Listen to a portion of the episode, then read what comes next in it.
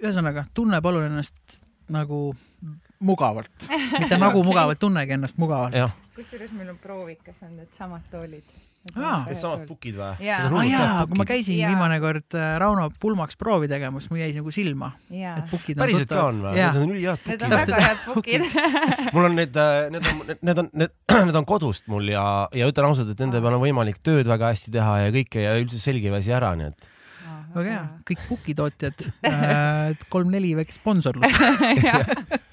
Jah, meil ei olegi püsi, püsipukke ei olegi kusjuures praegu. tulevad. kusjuures Kidra pukkidega oli ka mingi teema, mingi aeg hakkas mul, meil oli mingi esinemise jaoks oli vaja, akustilise esinemise jaoks oli vaja neid noh, õigeid pukke ja siis äh, ma vaatasin äh, Toomanist kohe täitsa huvitav, nagu muidu ei satu sinna lehele mm. ja siis väga siuke äge tunne oli, nagu otsin mingi guitar äh, chair või mis selle nimi on. see on tehtud mingi põhjusega tehtud mingi põhjusega. aga need on ka vist eh, tugi, need äh, seljatoega või?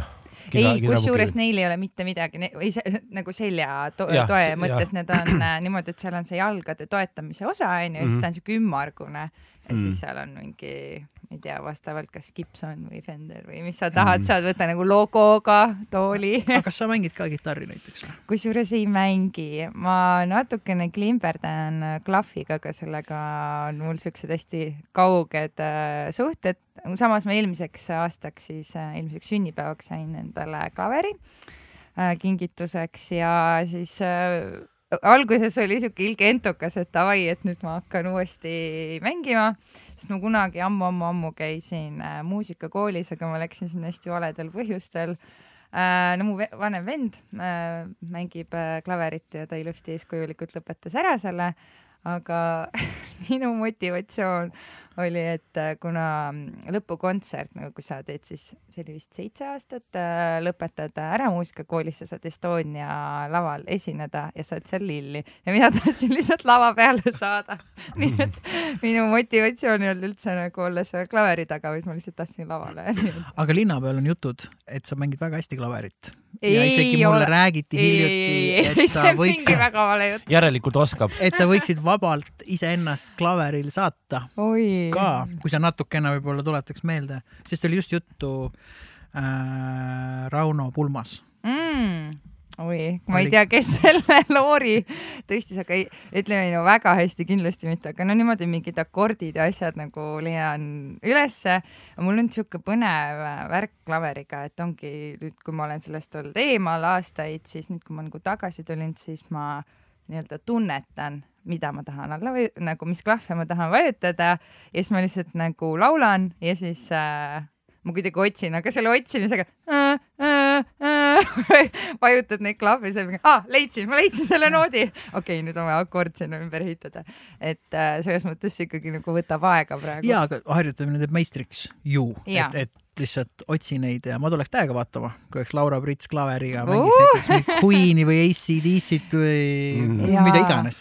kusjuures nii põnev, et sa seda ütled, sest täna hommikul just, kui ma ärkasin, siis ma kuulasin ühte siukest lauljat nagu Dorothy, hästi siuke äge rokitšikk, kui ma nüüd ei pane puusse, siis äh, teema mm, nii-öelda karjäärile ja lugude kirjutamisele aitab üldse kaasa Linda Perry nii et mm. ta, ta nagu Linda võttis nii-öelda Dorothy siis oma nii-öelda projektiks, kui nii võib mm -hmm. öelda, et et temast me võime ka pärast rääkida, et ta on hästi-hästi-hästi lahe naine, et vahel on nagu see, et ma olen avastanud, et et mida vanemaks sa saad, siis tulevad mingid artistid, keda sa võib-olla kunagi ei kuulanud ja siis mm. järsku sa leiad mingisuguse ühise puutepunkti, näiteks Alicia Keys on samamoodi minu jaoks sorry, ennem ta tõesti kuidagi ei kõnetanud mind, väga hea laulja, teeb oma asja, aga nüüd ongi kuidagi ma ei tea, tema nagu mentaliteet ja see, kuidas ta maailmasse suhtub, et see on nagu hästi lahe ja Lenny Kravitz samamoodi, no ma arvan suuresti sellepärast, et kuna me esineme koos Rauno Laikiga, teeme akustilisi neid kavasid, onju, siis talle täiega meeldib Lenny, siis ma olen ka nagu äh, hakanud nagu rohkem nagu kuulama ja vaatama ja kuidagi. ma just mõtlesin, ma lähen puhkama laupäeval, mõtlesin Lenny Kravitsi raamatu läbi lugeda, sest pidi väga hea raamat olema mm. ja mu ennast ka mööda läinud, sest ta on ka nii, mängib ju vaata nagu Prince, ta mängib ise kõik pillid mm., trummid mm., kõik jutud mängib stuudios sisse. kellele ma mõtlesin, ja, ja mega loogiline, mõtlesin, issand jumal, et ta võib-olla ta, kuna ta nii-öelda aktiivselt ei ole aktuaalne hetkel mm, -hmm no muusikamaailmas ta ei ole ju lasknud midagi pikka aega välja. tal tuli minu meelest, millal see Low välja tuli? Low oli vist jaa, aga see on ikka mingi kolm-neli aastat tagasi, jaa, kui mitte isegi, see koroona on löönud laiali minu selle, mul on väga hea mälu, ma yeah. mäletan umbes, ma ei tea, Aides aegades kaks tuhat üksteist mingi tuuril olles äh, Frankfurdis sõime seda toitu lõunaks. Ma ei ole üritanud meelde jätta, mul lihtsalt jäävad meelde sellised asjad aa, vau. aga nüüd see Covidi kaks aastat lõi mul nagu ajaarvamise mm., et see kaks aastat, siis ma kuidagi mõtlen see, mis ma mäletan, ma pean lisama sinna nüüd pluss kaks. tavaliselt mm -hmm. see Mhm. võib-olla load oli kuus aastat tagasi. aa, okei, okei. aga noh, lihtsalt ja kusjuures nii huvitav, et, et äh, mul on äh, riietega mingi värk, onju, et äh, ma pean alati nagu tunnetama, et äh, mis ma tahan selga panna ja täna ma vahetasin mitu korda, ma jäin isegi hiljaks, sorry kutid väga okei okay,, väga okei okay.. aga ma pidin nagu tunnetama, et mis on see särk, mille ma tahan panna ja ma panin selle sär-, Batman'i särgi täna selga ja eile, enne kui ma magama jäin, siis ma nägin Lenny Kravitsi postitust, kes kiitis oma tütart, tütart äh, Zoe Kravitsit, kes on siis äh,, mängib äh, seal uues Batman'i filmis ja siis Mm, mm, ma just just. mõtlesin, et tahaks kinno minna filmi vaatama, siis kuidagi nii huvitav, kuidas see circle mm. niimoodi No ring sai täis ja siis ma mõtlesin. täna on esilinastus, homsest on juba Ongi, jah. aa, täna ongi või? homme on- tuleb nagu neljandast, aga noh, päev enne, kui ta tuleb kinno, on esilinastuse päev kuhu nii-öelda tsiviilisik saab täiesti osta pileti no siis peaks minema homme Batman'i oh,. vaatama. ja ma just mõtlesin ka, et peaks homme minema Batman'i vaatama. mulle väga meeldib ka esilinastustel, mitte et see on mingi fancy fafa asi, vaid see on lihtsalt uh, funky and fresh, kohe käid, vaatad just, ära. just esimest korda justkui. ja tead kohe, millest nagu jutt käib, et äh, saad Jaa. kohe nagu teemasse sisse minna. Äh, ma käisin Mad Maxi vaatamas niimoodi ja ma käisin, ma käisin Mad Maxi kolm korda vaatamas, ma olin täiesti sillas, ma olin lihtsalt, et noh, ma mul oli ka veel, Mad Maxiga niimoodi, et justkui filmi intro, noh, seal nagu oli mingi teatud sorti natuke siuke intro mm. -hmm. ennem kui film algas, siis mul oli Jah. niimoodi, et ma tahan seda uuesti tulla, juba siis juba Aa, need uuesti vaatama. teadsid juba, et see, see on sinu no see oli, see, see on nagu nihuke hullus, mis seal nagu toimub, et lihtsalt sa nagu äh,, no ma, ma kujutan ette, et toda vaatad ja vaatad, siis iga korraga sa näed nagu rohkem või nii, sest seal on, see on tõesti see visuaalne disain pluss veel see tempo, mis seal on, see on mm. -hmm. uskumatu, mis tempo, mis seal peal on ja mingid kaskadööri trikid ja asjad ja dialoogi on vähe ja. dialoogi on hästi vähe et ja pi- pigem ma, ma ei ole ise näinud Mm. mm.. Sa ei ole näinud? ma ei ole näinud, ma olen sihuke- näinud neid pilte, ma tean, et sul on väga lahedad kostüümi. ja ta on siuke over the top nagu mm Mhm. -hmm. täiesti üle pandud, aga ta on hästi üle pandud. Ta on nagu Pluss- hästi üle pandud, et Mm. just see ajuvabadus, kus see, see, noh, sees on reaalne story telling, aga see ajuvabadus, mis selle ümber käib, tohutu kaos, jaa, toimib väga hästi nagu. aga kuidas teil üldse filmidega on, kui te vaatate, kas teil on ka niimoodi, et te hakkate nagu otsima otsima sealt nagu mingit sõnumit või, või, või kui sa näiteks vaatad, mul on näiteks filmidega sihuke teema, et ma ei saa ma, ma vaatan päris harva filme, sellepärast ma võtan hästi südamesse, ma mm. Mhm. nagu, ma lähen nii selle filmi sisse nagu nii naljakas näide, aga Ocean Eleven no täiesti reaalselt ma higistasin, see oli lihtsalt, ma, ma olen näinud seda filmi, ma tean, mis seal juhtub, aga lihtsalt see pingeline olukord mm, Mhm. -hmm. et ja siis mingi hetk ma mõtlesin, et issand, nii veider, et sa elad kaasa ju pahadele mm, -hmm. et Mhm. nende rööv õnnestuks Mm -hmm. ja siis ma mõtlesin, issand, nii nagu veider, et, et kuidagi en, endasse nagu tõmbuv on see minu arust see on päris, see on minu, see on minu arust päris lahe, ma ise olen, saan olla ka hästi emotsionaalne, kui ma filme vaatan, aga ma nagu ei otsi otseselt midagi, ma üritan võimalikult vaadata nagu selliselt, et äh,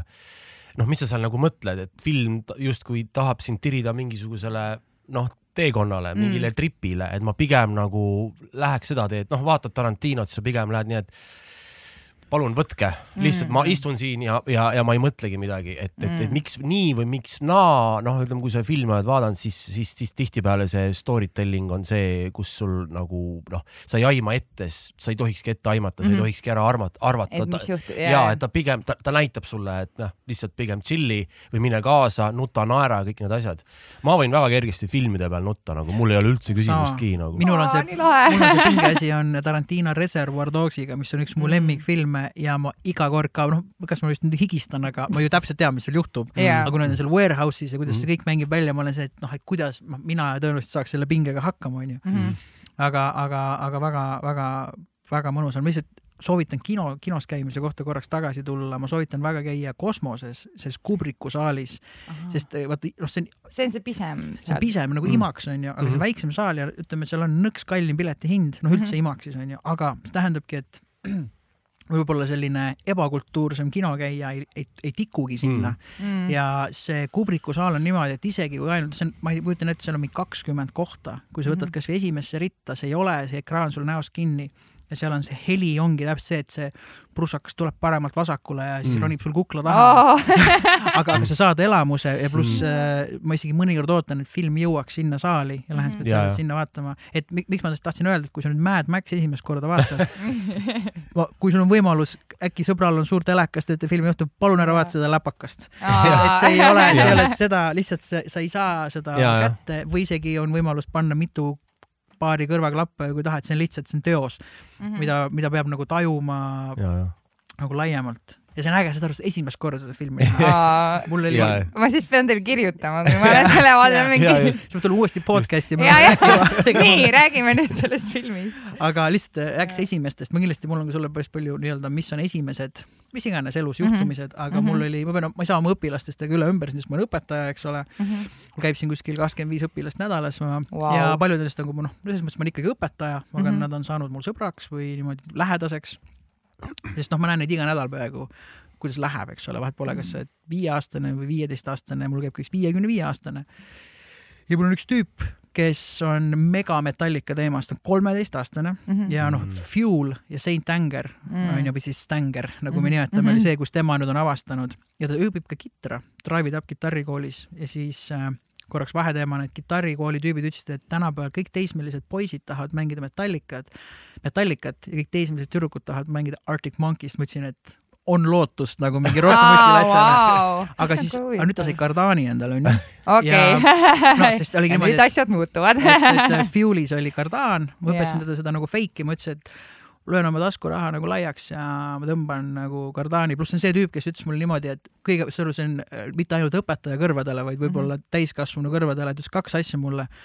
et äh, ah ja mul siin sõbrad äh, veibivad, et noh, veipimine on teemas onju, Mhm. noh kolmeteistaastased veibivad onju Mhm. ja ma olen selline, ütles, et aga tead, ma, ma ei üldse ei viitsi nendega hängida ega veipimas käia, sest ma pigem mängin kodus trummi ja ma olin nagu Thank you. jess, davai ja siis teine asi. sina oled meie tulevik. ta on hull Playsta tüüp, mis on nagu äge, noh, peadki mängima mänge yeah. selles vanuses, et kuule, ma Playstas ka ei viitsi nii palju mängida, et ikka Oh, oh, trummidega on nagu äge, et ma nagu saavutan midagi, et ma ikka harjutan seda Fuel'i ja Saint Angerit Aus. ma olin nagu mees, ma ei, ma ei nagu, ma ei tea, kuidas nukke visata kas ma. võin salvestada selle, kui sa ütlesid seda? ja siis eile ta ütles, et äh, noh, Cardani teemas ma andsin talle mingeid harjutusi, siis ütlesin, et äh, okei okay,, et kuule, et Killswitch Engage'il on üks hästi lugu End of Heartache, et seal on päris äge Cardani partii, et kas sellist bändi tead, ta ütles, et ei tea, ma ütlesin, okei okay,, mees, kuula, et noh, Mm. ma ei suru peale, aga kuula seda plaati onju, et kui sa feel'id, siis või noh, kuula seda lugu mm, Mhm. -hmm. kui lugu feel'id, kuula plaati ja seal on päris ägedaid Cardani asju. siis ma soovitasin talle Mad Vein oli kunagi selline bänd, neil on väga äge lugu Dig, võitsid Mm. Grammid ja asjad selle, ta Mm. oli nagu oh, mingi järgmine lugu võiks see olla. ja siis ma ütlesin, okei, noh, et Slipknoti võime ka mingi aeg vaadata, aga noh, et ma ei tea, et see on päris raske, siis tüüp ütles, et aa, Slipknot, mis see on? siis ma ütlesin, mees, sul on võimalus elus esimest korda hakata kuulama nagu Slipknoti. ja kõik, mis sealt veel tuleb, et selle mehe hoid, see on Disneyland, noh. kusjuures äh, Slipknotiga mul on hästi huvitav äh, kogemus on see, et äh, mu vend, kes on siis väga osav ehitaja, tähendab, ta ei ole ehitaja, ta on insener äh,. ta tegi äh,, ehitas siis iseendale kõlarid kunagi äh,. ja, ja siis ma mäletan, et me olime maal vanemate juures ja ta oli just need kõlarid tööle saanud siis ta tegi niimoodi, et ta pani mõlema basskõlari, et noh, see oli, vaata, mis need retrokad on, kus on vist on nagu bass ja kõik see on ühes, et seal on kolm seda nii-öelda siis Killa teab võib-olla rohkem äh,. kõla, nagu..., need puidust kastiga, vaata nagu, nagu Estonia kõlarid vist enam-vähem. suured ja Mhm. ja siis ta ehitas kaks tükki sellist mm -hmm. ja siis pani siis kõige alla sinna ette pani küünlad ja siis me kuulasime Slipknoti trummisoolot, siis ta kustutas nagu tuled ära ja ütles, nüüd sa kuula ja naudi head asja. ja siis ma olin lihtsalt mingi, mina, kes ma olin mingi, käisin tantsutrennis, kuulasin mingi Buster Rhymesi ja Britneyt ja mingi oh my god, siuke no maksimaalne teismeline ja siis Slipknoti oli õhtu õega. õega, jaa, täpselt. ja ma olin aga sa kustusid ära need küünlatööd ja või? ei, kusjuures Ei- ei kustunud, ei kustunud ja need, need aa, no ikkagi, see on nagu rituaal või nii, okei ja okay,. ta, ta oli nagu mingi, kusjuures kui ma mõtlen oma venna peale, ta ei ole üldse nagu mingi siuke mingi dark person, kustutame tuled, paneme küünlad, aga see moment on mul kuidagi nii meeles, Mm. et kui ta nagu lassis, noh, tema kuulas nagu rokki ja mina olin siis nagu kuulasin hip-hopi ja siis äh, ja see oli, ma olin lihtsalt mingi täiesti ebareaalselt kui hea asi, see oli lihtsalt mm., lihtsalt Mm. kuulad ja oled nagu kuidagi, isegi kui sa ei tea sellest nagu midagi, siis sa nagu hindad, sa tunned, seal on see rütmika, seal on nagu emotsioon, seal on lihtsalt nii palju sees, et, et sa oled muusikafänn, kui sa oled muusikafänn onju, Jaa. siis sa ei saa salata. jaa mm., ei saa salata, just. et see on hästi, võtab üle, no nagu filmid, põhimõtteliselt Jaa, sama nagu asi, eks ole filmid,. et- ja et, lihtsalt äh, äh, annad võimaluse ja avastad, et vau et äh, ma olen viimasel, viimasel nüüd nädalal, mul on filmidega veel, tulles korra filmi jahumise juurde ja Batman'i juurde, siis mul on mingite filmidega see, et kui mulle film hullult meeldib, siis ma vaatan teda hästi palju äh,. kuna mind üldse nagu huvitab, noh, et kuidas neid tehakse ja kõik see nagu see tagataust seal, siis mul ei ole nagu probleemi vaadata, noh, ma ei tea, ma arvan, mingit Scarface'i ma olen näinud, ma arvan, mingi viiskümmend korda, aga see ei ole niimoodi, et ma iga õhtu istun maha ja vaatan nüüd nagu, vau, ma panen ta käima, vaatan mingit äh, stseene võib-olla eraldi uuesti, kõik, sest seal on nagu ridade vahelt nii palju pluss veel sihuke noh, kui oledki nagu fänn onju, ma olen nagu selle Oliver Stone'i suur fänn, kes on kirjutanud Scarface'i onju Mm. ja siis lugedes Oliver Stone'i raamatut, kuidas ta rääkis, kuidas ta kirjutas seda Scarface'i, mis nagu toimus, ma ei tea, mingi poliitiliselt, mis temaga toimus, kuidas noh, kõik sa lähed ikka all in ikka ja, ja nagu et täitsa nagu seal saab nagu väga minna, kõik kõik need, kõik need tekstid, Scarface on täis nagu kõige spetsimaid one-liner eid nagu ever ja kõik mm -hmm. on nagu nii aus.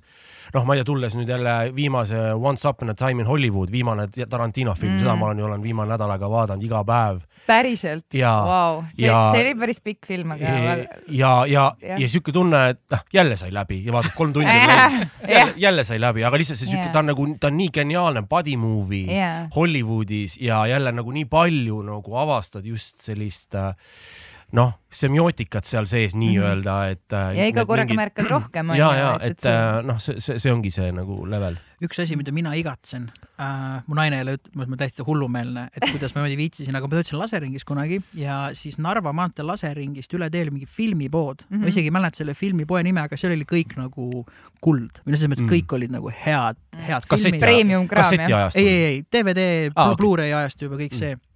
Ma käisin sealt ostmas oma lemmikfilme mm. -hmm. aga selliseid DVD-sid, kus oli director's commentary või siis näitlejad ise rääkisid peale ja, ja, mul on kõik need DVD-d uh, olemas, aga vaata Netflixi Mm. striimimisega tekkis see ja. ilma Youtube'ita vaata, see oli nagu, see oli veel midagi. eriti eriline. reklaame ei ole. ei ole, ei ole. see on et näiteks mul on Fight Clubi mingi deluxe see, kus siis äh, Brad Pitt ja kõik tüübid nagu räägivad, noh et ja see ei olegi sellest, et sa peaksid wow. läbi selle sellest rohkem aru saama, vaid ma õppisin ka nii, ma üleüldse ise selles mõttes filmimees, et ma ei oska mm, -hmm. ma ei oska mingit Mm. noh, nagu Killa on ju teinud mingeid videosid, aga see aga ikkagi, sa aga ma ei ole ka, ma jah, aga ma ei ole ka nagu filmimees, filmimees, see on see. no minu jaoks see filmimees, võrreldes minuga, sa oled ikka rets meie filmimees. silmis, sa oled filmimees, nii et võta see roll. ei, ei, ei, ei, ma nagu va- vastu tahtmist tegelikult ei võta, sest ma tean, et see filmimees, filmimees on, see on nagu noh, need on noh, tead isegi noh, nagu kriitikud on nagu kriitikud, et, et selles mõttes, et ma võin nagu kämada Mm. oma vaatevinklist, aga ma kohe kindlasti ei ole see mingi nagu, mul ei ole siukest literatuuri ja lingot, et nagu mm. olla nagu filmi või, või filmi, filmi nagu mees kohe kindlasti mitte. ma Jaa. olen pigem nagu fänn ja ma lihtsalt aga sa jagad Nagu- matsu nagu-, ma ütlen Mm. niimoodi, no, võib-olla sa- samamoodi sina tegelikult see noh, sa, me kõik jagame matsu mm, -hmm. aga lihtsalt see, see sildistamine on minu jaoks alati sihuke, ma ei, ma nagu ei ütleks, et ma olen, oleks nagu sihuke noh, pigem sihuke tüüp, kellele meeldib fännata. väga ilus eesti keeles on jagad matsu. Sorry, ma lihtsalt eile, eile voodis tuli, et ma ütlesin naisele, et äh, ta lõpetas lihtsalt veinipudeli õhtul, ma Mhm. küsin, kas tegid veinile päkat silma. siis ta ütles, mis see tähendab? ma ütlesin, noh, päkat silma, sai otsa. ja siis mõtlesin, et kust see nagu tuleb, et filmist. ei, aga, aga just korraks on hoopis vaheteema, aga Jah. päkad silma kehtib siis ta hakkas küsima mu käest, ta tõesti ei teadnud seda väljendit. ja siis ma ütlesin, et aga päkad silma, noh saab otsa, siis ta küsis umbes samamoodi, et kui sul sai autol bensiin otsa, kas siis autol said päkad silma, ma ütlesin ei, ei, ei, ei, nii me ei kasuta aga, seda. aga, aga siis mul ongi küsimus, et ma ei ole ka ürinud uurida, kuna see oli alles hiljutine sündmus, kas päkad silma puhtalt joogi kohta või? et kas siis umbes, kui sa võtad pudeli, kummutad selle tühjaks, kas need on päkad, mis vaatavad sulle silma või, või kust, kust tuleb päkad silma? huvitav, me peame eesti saama kui see oleks nagu asi nagu auto, et siis sa saad öelda ainult niimoodi nagu auto vaatevinklist, et auto pani bensule päkad silma. aga nii ei öelda. nii ei öelda, see käib ikkagi nagu justkui mina, mina vormis. ja joogi kohta minu arust just ei ole, sest et Pani- tegin pani- kommipakile käpad silma. Ei ole ju Ei. tea. see ikkagi mingi või moosipurgile päkad silma. ja mina seda, mina tegin täna seda. moos sai otsa. vist isegi saab isegi nii ka nagu öelda, aga, aga see pigem on sa inimeste saad nagu ja pointile pihta, onju aga see ja. võib-olla ei ole sihuke kõnekeeles kasutatav tava, et mis nagu, ta on Li- nagu sihuke, sa saad aru, mida sa, mida sa, ja öelda, tahad. liköörile päkad silma, Jaa. väga selge. Sa rääkisid ennem ühest. äh, aga räägi, sa sa rääkisid sellest Director's Cutist, sorry, kas see oli Jaa. oluline või? Ma kusjuures- lõpetan ja see, see pigem oligi, sealt tuli see välja, et sa, et sa õpid hindama seda mm, -hmm. kas see on kaameratöö või see fot-, noh, kuidas eesti keeles photography, et see, kuidas on valitud lokatsioonid, -hmm. miks ta hakkas filmima jalgadest, läks üles, et see tundub vaatajale mm., Mm. ei noh, hakkas sealt jalgadest filmima. see on loogiline või nagu. seal on nagu reaalne i- idee on seal Mhm. taga, kuidas ta Mhm. pani sind tundma ja vaata Mhm. noh, filmid on vaata avastseenid on alati hästi olulised, justkui see on see, Jah. mis nagu võtab sind. siis saadki aru, et see nagu muusikas võib-olla meil teine, kui sa produtseerid, et siin ei ole nagu, mõnikord on juhused mm, -hmm. Mhm. aga see on väga tark ja teadlik režissööri valik teha üks teine lüke Mhm. ja see on täpselt see, miks mul kinos käis, miks mul meeldib veel käia seal Kubriku saalis, et noh, ma ei ole otseselt, ma ei ole otseselt popkorni asja söömise vastu, aga kinokultuur see, et sa ei räägi samal Mm. ajal, kui film on. oi, kui halb, mina olen põhiline filmide ajal rääkija, ma küsin hästi palju, ütleme nii, sorry, ma segan sind. esiteks, okei okay,, kinos ma seda ei tea, aga kuna ma olen, mul on üks väga hea sõbranna, kes põhimõtteliselt minu jaoks on maailmas kõiki filme näinud ja temaga koos ma olen vaadanud neid filme. esiteks ma tahan ette teada, mis filmis juhtub, teiseks ma tahan esitada küsimusi, mis seal kohe juhtuma hakkab, kolmandaks ma panen pausi.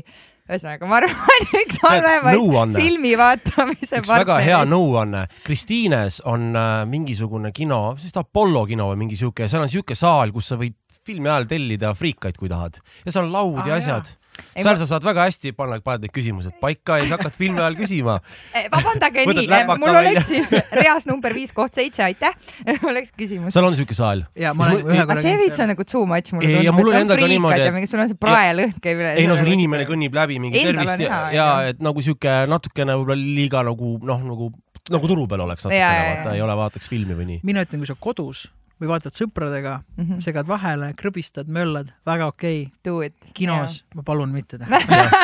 sellepärast see kino ongi tegelikult mõeldud. teatris, ma ütlen lihtsalt, kasvõi noored, kui minul ikkagi vahet pole, noh, ma olen eluaeg kinos käinud, me võime rääkida veel kinost natukene Mm. mm., sest minul Jah. oli, minu ajaviide oli see, et äh, noh, nõu-, noh, meil ei olnud nõukogude aeg enam, aga ma arvan, ma olin selline esimese klassi poiss äh,. jah, käisin üksi kinos, küsin vanematelt raha, mulle anti vist umbes kümme krooni. ma praegu kohe räägin, mis kümne krooni eest sai, kinopilet maksis üks kroon, Wow. mõnikord üks kolmkümmend Mm. krooni, onju. Wow. ja siis ma sain käia Nehatus, võtta mingi Nehatu eine, mäletad Nehatut, see oli Vana see hea. pur-, vana, vanakooli burgeri koht, see oli umbes ainukene burgeri koht. Eestis ja see oli kunagi Viru väljakul, seal, kus praegu on Viru keskus, seal keskel oli Nehatu. Ma tean ainult löögiplatsi või söögiplatsi. see ja, ja mõlemad kehtisid. ja siis sealt sai umbes mingi viieka eest sai eine, noh, Coca-Cola, friikartulid ja selle rotipurksi onju, aga noh, see oli väga hea rotipurks. ja siis sul. jäi veel neljakas üle, mis sa nagu säästsid. ja ma käisin nii palju kinos, et noh, ei tulnud filme peale nagu tänapäeval mm, Mhm. -hmm. ma käisin, vaatasin kõik filmid ära, ma ei vaadanud, mis žanris see on, kas see oli draama, mis iganes, ma vaatasin mm -hmm. kõik filmid ära ja kui uusi filme peale ei tulnud, siis ma läksin, vaatasin uuesti need ära, mis mulle rohkem meeldisid, sest kinopilet maksis üks kroon, võib-olla Mm. hiljem kaks krooni.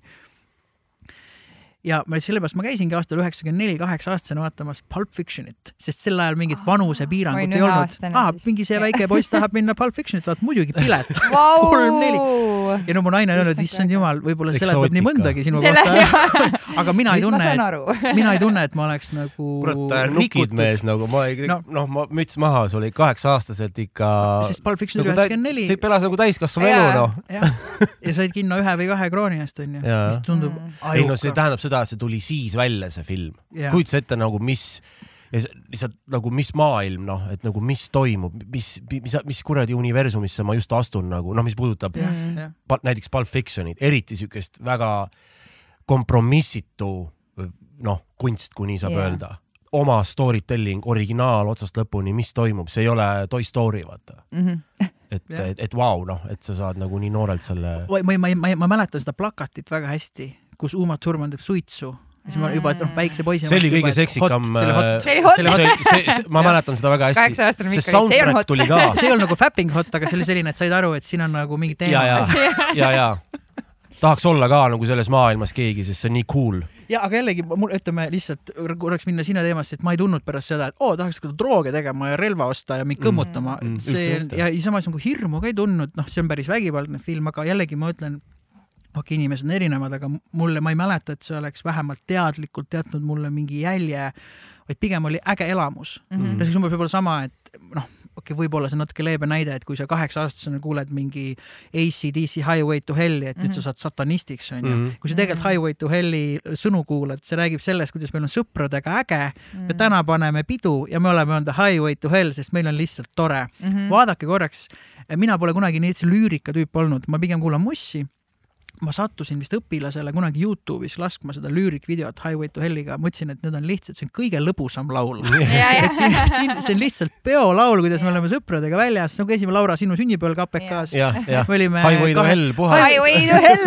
See oli puhas Highway, meil on lõbus, me oleme klaase kokku, me naerame ja noh me paneme täna nagu Highway to Hell'il, aga see sõnum ongi nagu lapsikult äge, aga täiskasvanud mm. mehed kirjutasid selle loo onju. aga et. lihtsuses peitub. ja, aga kui sa mõtled mm., oo Highway to Hell, mis see on, see on mingi satanistide lugu, vaata. ei, see on kõige ägedam good time, good vibe. kui sa võtad emotsiooni ära, siis alati tundub nii jube kõik, eks ole, tegelikult on seal see väga konkreetne emotsioon taga ja, ja, ja nii ongi, et sa ei saa, miks on keeruline paberilt maha lugeda mingisugust, ma ei tea, noh mingit lugu näiteks, sa pead ikkagi kuulma noh. ja selle looga, selle Highway to Helliga on huvitav, et me oleme teinud seda mm, esimesel septembril äh, lastele koolis. Ja siis ma jäin korra mõtlema, et ma ütlesin peale seda, et minge, et minge enam-vähem kooli nüüd tagasi, et ja aga enne seda laulame kõik koos, et Highway to Hell onju et kool on täielik põrgu. Mm., aga, aga see ongi huvitav, et rokkmuusikast nagu rääkides, et äh, kuidas nagu äh, lastele ja üldse noortele mõjub rokkmuusika, sest äh, ongi nagu ühest küljest on võib-olla naljakas esineda mingi rokkbändiga kusagil kooli mingil peol onju, aga teisest mm. küljest sa saad aru, et kui palju erinevaid nurki sellel muusikal on, sest ongi, et sa saad kuulata sõnu, sa saad kuulata seda emotsiooni mm ja seal mhm. on nagu nii palju erinevaid tasandeid, et, et ongi laste ja noorte jaoks üldse on nagu see, et nad võtavad selle emotsiooni ja tegelikult jumala paljud rokklood mm, -hmm. nad on nagu, seal on nagu -hmm. kohe on nagu mhm. hoog on sees Midagi. ja tegelikult see on nagu huvitav, kui paljud nagu kardavad seda, et selle rokkmuusika nagu see kuvand kui selline on, et see on midagi keelatud, see on nagu ohtlik, see on ja, paha, et ja. ongi nagu hell, kohe oled nagu maha kantud, aga tegelikult on ju, on ju täiesti vastupidi. vastupidi alati ja, ja, ja, ja kogu aeg olnud vastupidi, lihtsalt see ongi, see tekitab siukest eh, head õiget vabameelsust ja sellist rahva seas noh sa oled sõpradega koos, ega ta rohkem ei olegi, kui sihuke nagu veedadki sõpradega aega koos mm. -hmm. ja see on, see on, see on lõbus, kui sa oled teismeline ja. või varateismeline, siis ongi see, kui sul on sõbrad ja sa oled ja. sotsiaalne tüüp, see ongi äge, see on, kui sa mõtled minu jaoks ACDC natuke on selline, ma ei ole üldse sellist tüüpi inimene, aga mul ikkagi on see, et võtaks mingi cabrio ja paneks kuskil kõrbes, vaata sõpradega, lähme kuhugi, lähme kuhugi, või siis võib-olla lähme kuhugi ujuma. Ja. või noh, et see on see vabaduse, et sa unustad oma selle, mis iganes mured sul on, noh, vahet pole, mis vanuses sa, kõigil on mured, onju, et sa korraks unustad ära ja sõpradega on ju alati äge olla ja see kabrio ja ma ei tea, tuuled. no ta on siuke, siuke äh, nagu normaalsusega ja, ja moraalidega lihtsalt kuidagi nagu natuke konflikti aetud, et sellepärast ongi see, et tegelikult seal roki poole peal või noh, ütleme see rock kui attitude või vaba olek üleüldse see on ju, see on tore ju mm. -hmm. aga noh, ongi see, et see normaalsus ja moraalid, noh, ütleme, on eluaeg olnud nagu konfliktis sellega, et mm -hmm. äh, inimestel ei saa nagu liiga lõbus ka ei tohiks olla või midagi siukest, vaata et, et kuidas saab olla, et sul on nagu fun kogu ja, aeg. kogu aeg on jube fun või lihtsalt tarvitab kohe see. kuigi sa võid laulda nagu väga ilusat ballaadi otse südamest ja ravida hoopis inimesi ka nii-öelda mm -hmm. roki žanris, mida on eluaeg tehtud, et noh, ongi kuidagi jälle siuke valvsuse moment liiga, siuke hoiab eemale ka nagu natukene onju arvan, inimesed ei mõtle selle peale, mõtleb täiskasvanud liiga palju, et, et me oleme piisavalt liberaalses ühiskonnas, me saame aru. ajad on muutunud jah, et, et õnneks nagu see tuleb järgi, eks ole. ja vanemad saavad aru, näiteks mul oli, noh, ma õpilastega teen kontserte tavaliselt mm. kaks korda aastas, kord aastas on ju, ja siis mul üks äh, poiss mängis Limp Bizkiti Rolling ut on ju, no kus on ikka päris mitu fuck'i on sees on ju yeah.. ja mu naine pani tähe, et ma alguses mõtlesin ka, et kas peaks nagu tsenseerima, aga siis mõtlesin, et kui lapsevanemal endal, selle lapse lapsevanemal on okei okay,, et ta sellist lugu õpib, no ilmselgelt nad teavad, mul on sõbra laps on kümneaastane, ta juba kaks aastat tagasi teadis neid sõnu kõiki, ta ei tea võib-olla seda tähendust, aga see ei olnud talle, noh, lasteaias tulevad need juba sõnad, onju mm. -hmm ja ainukesed, kes krimpsutasid siis nina, olidki nagu paar vanaemat, millest ma saan aru, sest noh, meie vanaemad on sellised noh, kõige paremas mõttes pigem kristliku nurga alt korralikud, noh, et meie oleme palju liberaalsemas mm. kohas kasvanud ja siis ma mõtlesin, et kui neil on okei okay, nagu lastevanematel ja pärast ei tulnud ühtegi meile, et oh, kuidas te lubate mingisuguseid selliseid sõnu kontserdil, siis ma mõtlesin, et see on muusika mm. -hmm. ja, ja ma usun, et kui sa kuuled Limp Bizkiti sõna fuck kuskil loos, siis see ei ole see, kus sa hakkad seda kasutama või noh, nagu kuritarvitama mingil lasteaias. sest see on üldjuhul väga lõbus, Limp Bizkit on ikkagi üldjuhul lõbus äh, muss alati ja, olnud. see tuleb kuskilt mujalt pigem, see, see nagu ja.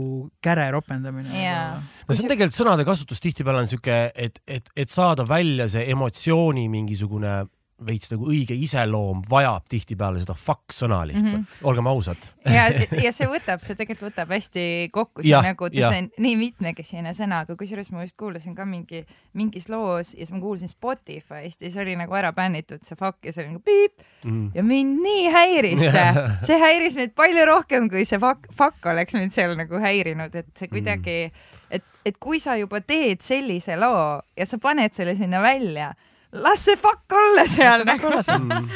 et ta nagu annab sulle õige emotsiooni, sa ei saa nagu asendada seda sõna, et ja. ta on kuidagi sihuke, ta annab selle emotsiooni ja. edasi.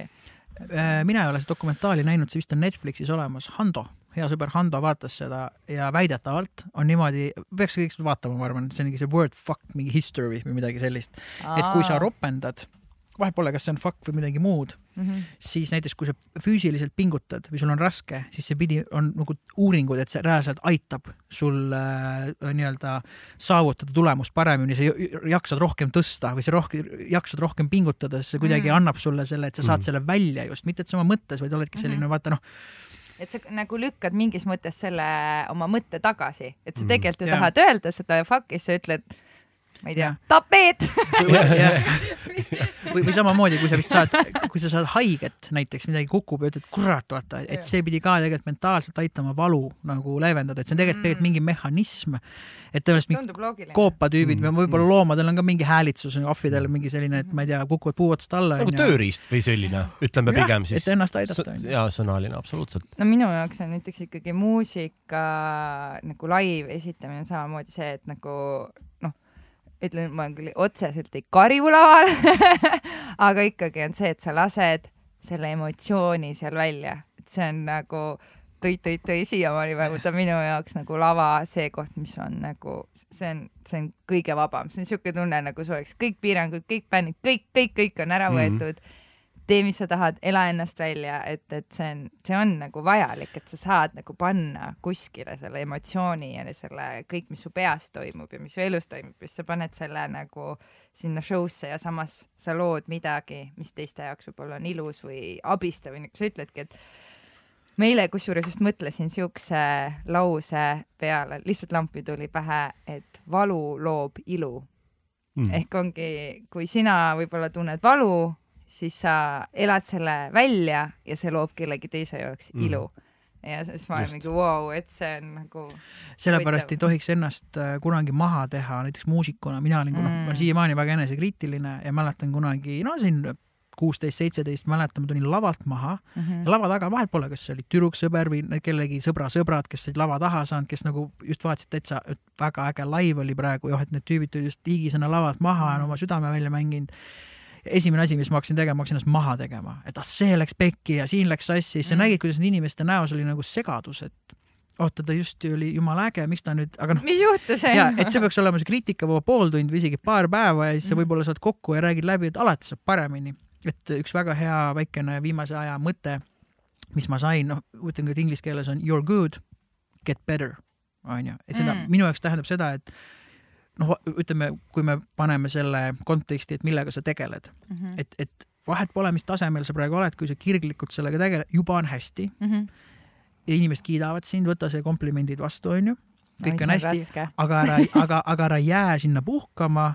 see ei tähenda, et sa pead kogu aeg rattas olema, aga lihtsalt, et alati on ju keegi kuskil, kes on sinust parem ja see ei lõpe mitte kunagi. et see peaks võib-olla omaette eesmärk olema, aga seal tee peal saada paremaks on need uued raskused, aga ma, ma tean, ma olen seda hästi palju rääkinud, see kõlab hästi klišeena, aga ma arvan, et tõeliselt seda seesmiselt aru saada, iseendas panna see niimoodi tööle, mina tunnen, ma hakkan vaikselt jõudma sellest, mul on samamoodi komplimentidega väga raske, mul on väga raske, sest mul on ikka eluaeg räägitud, kui nagu sa sakid noh ja ma Mhm. nagu juba tean, sakingi kogu aeg.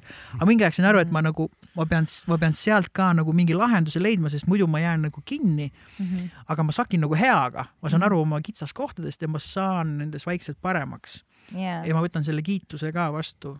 Et me just sinuga, Laura, olime pulmas siin paar nädalat tagasi ja mm. -hmm. siis ka me istusime kõrvuti, onju. see oli mingi muusikute suur Jaa, see oli ja mingi, sa mõtled, et miks sind ei olnud, et nüüd räägite siin pulmast ja pulmast ja. aga lihtsalt, et see on nii äge, et noh, et sina oled minu jaoks täielik loodusjõud näiteks, et me olime wow., me tegime vaata soundcheck'i veel äh, pulm oli pühapäeval ja me tegime laupäeva õhtul soundcheck'i aa, te esinesite, ma saan aru me. esinesime ka ah, okay, jaa, ja jaa, me tegime. Lauraga Zeppelini Whole Lotta Love'i ja Jet'i Are you gonna be my girl'i, ja siis äh, Simply the best oli vist, ei. Simply the best, ja siis oli Queen'i Don't Queen- Stop Me Now. Don't Stop Me Now jah. aga põhjus on see, et noh, et kõik venis, me olime, pidime kaheksal seal kokku saama ja jah, tund aega teeme kõigiga piuh-pauh läbi onju, tegelikult läks mingi üheni öösel, noh neli Mm. tundi, mis tähendab, et sul on hästi palju tiksu onju mm., natuke ka stressi, sest kõik on nagu pingeline, kõik tahavad, et pulmas oleks kõik äge onju. ja siis noh, ma näen ka, et noh, mina olen kogu aeg seal trummide taga kus istud kaks tundi, mul on pikk päev selja taga, näen Laura seal, noh, scroll ib telefonis, joob, no kõik on normaalne, kõik chill ivad sinna hästi. aga joob. aga selline hästi nagu noh, pigem vaikelu või selline noh, tiks onju. jaa. ja siis Laura tuleb nagu Laura kord lõpuks, ma olen cool, tegema, noh, väsinud, vaata kell on mingi kümme, üksteist ja siis ma umbes küsin Laura käest, noh, mis lugu esimese teeme? paneme selle Whole Love'i, no see on selline laupäeva õhtu, ma veits väsinud. Ja siis tuleb see kidrariff onju, ma ei hakka praegu laulma, sest ma olen jube laulja. ja siis ma olen täpselt okei, okei, kidra läks käima. Ja siis vaata Vox tuleb ennem kui trummid onju. Ja siis ma olen järsku selline pah nagu, et noh, et ah, mul on külmavärinad praegu, et et mis praegu just juhtus Oo. et, et see, et see maja just praegu nagu ärkas ellu noh ja me pole veel isegi seda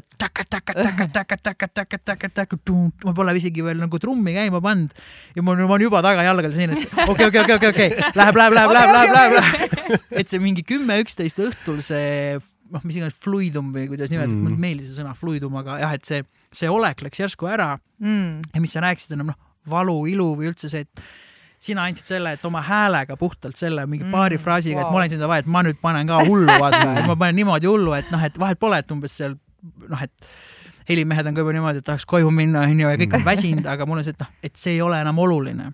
Jaa. ja vot see ongi see moment, mida ma arvan, peaks hindama, mitte nüüd oma ego paitama mm. -hmm. aga lihtsalt, et see ongi see, mis sa nagu annad.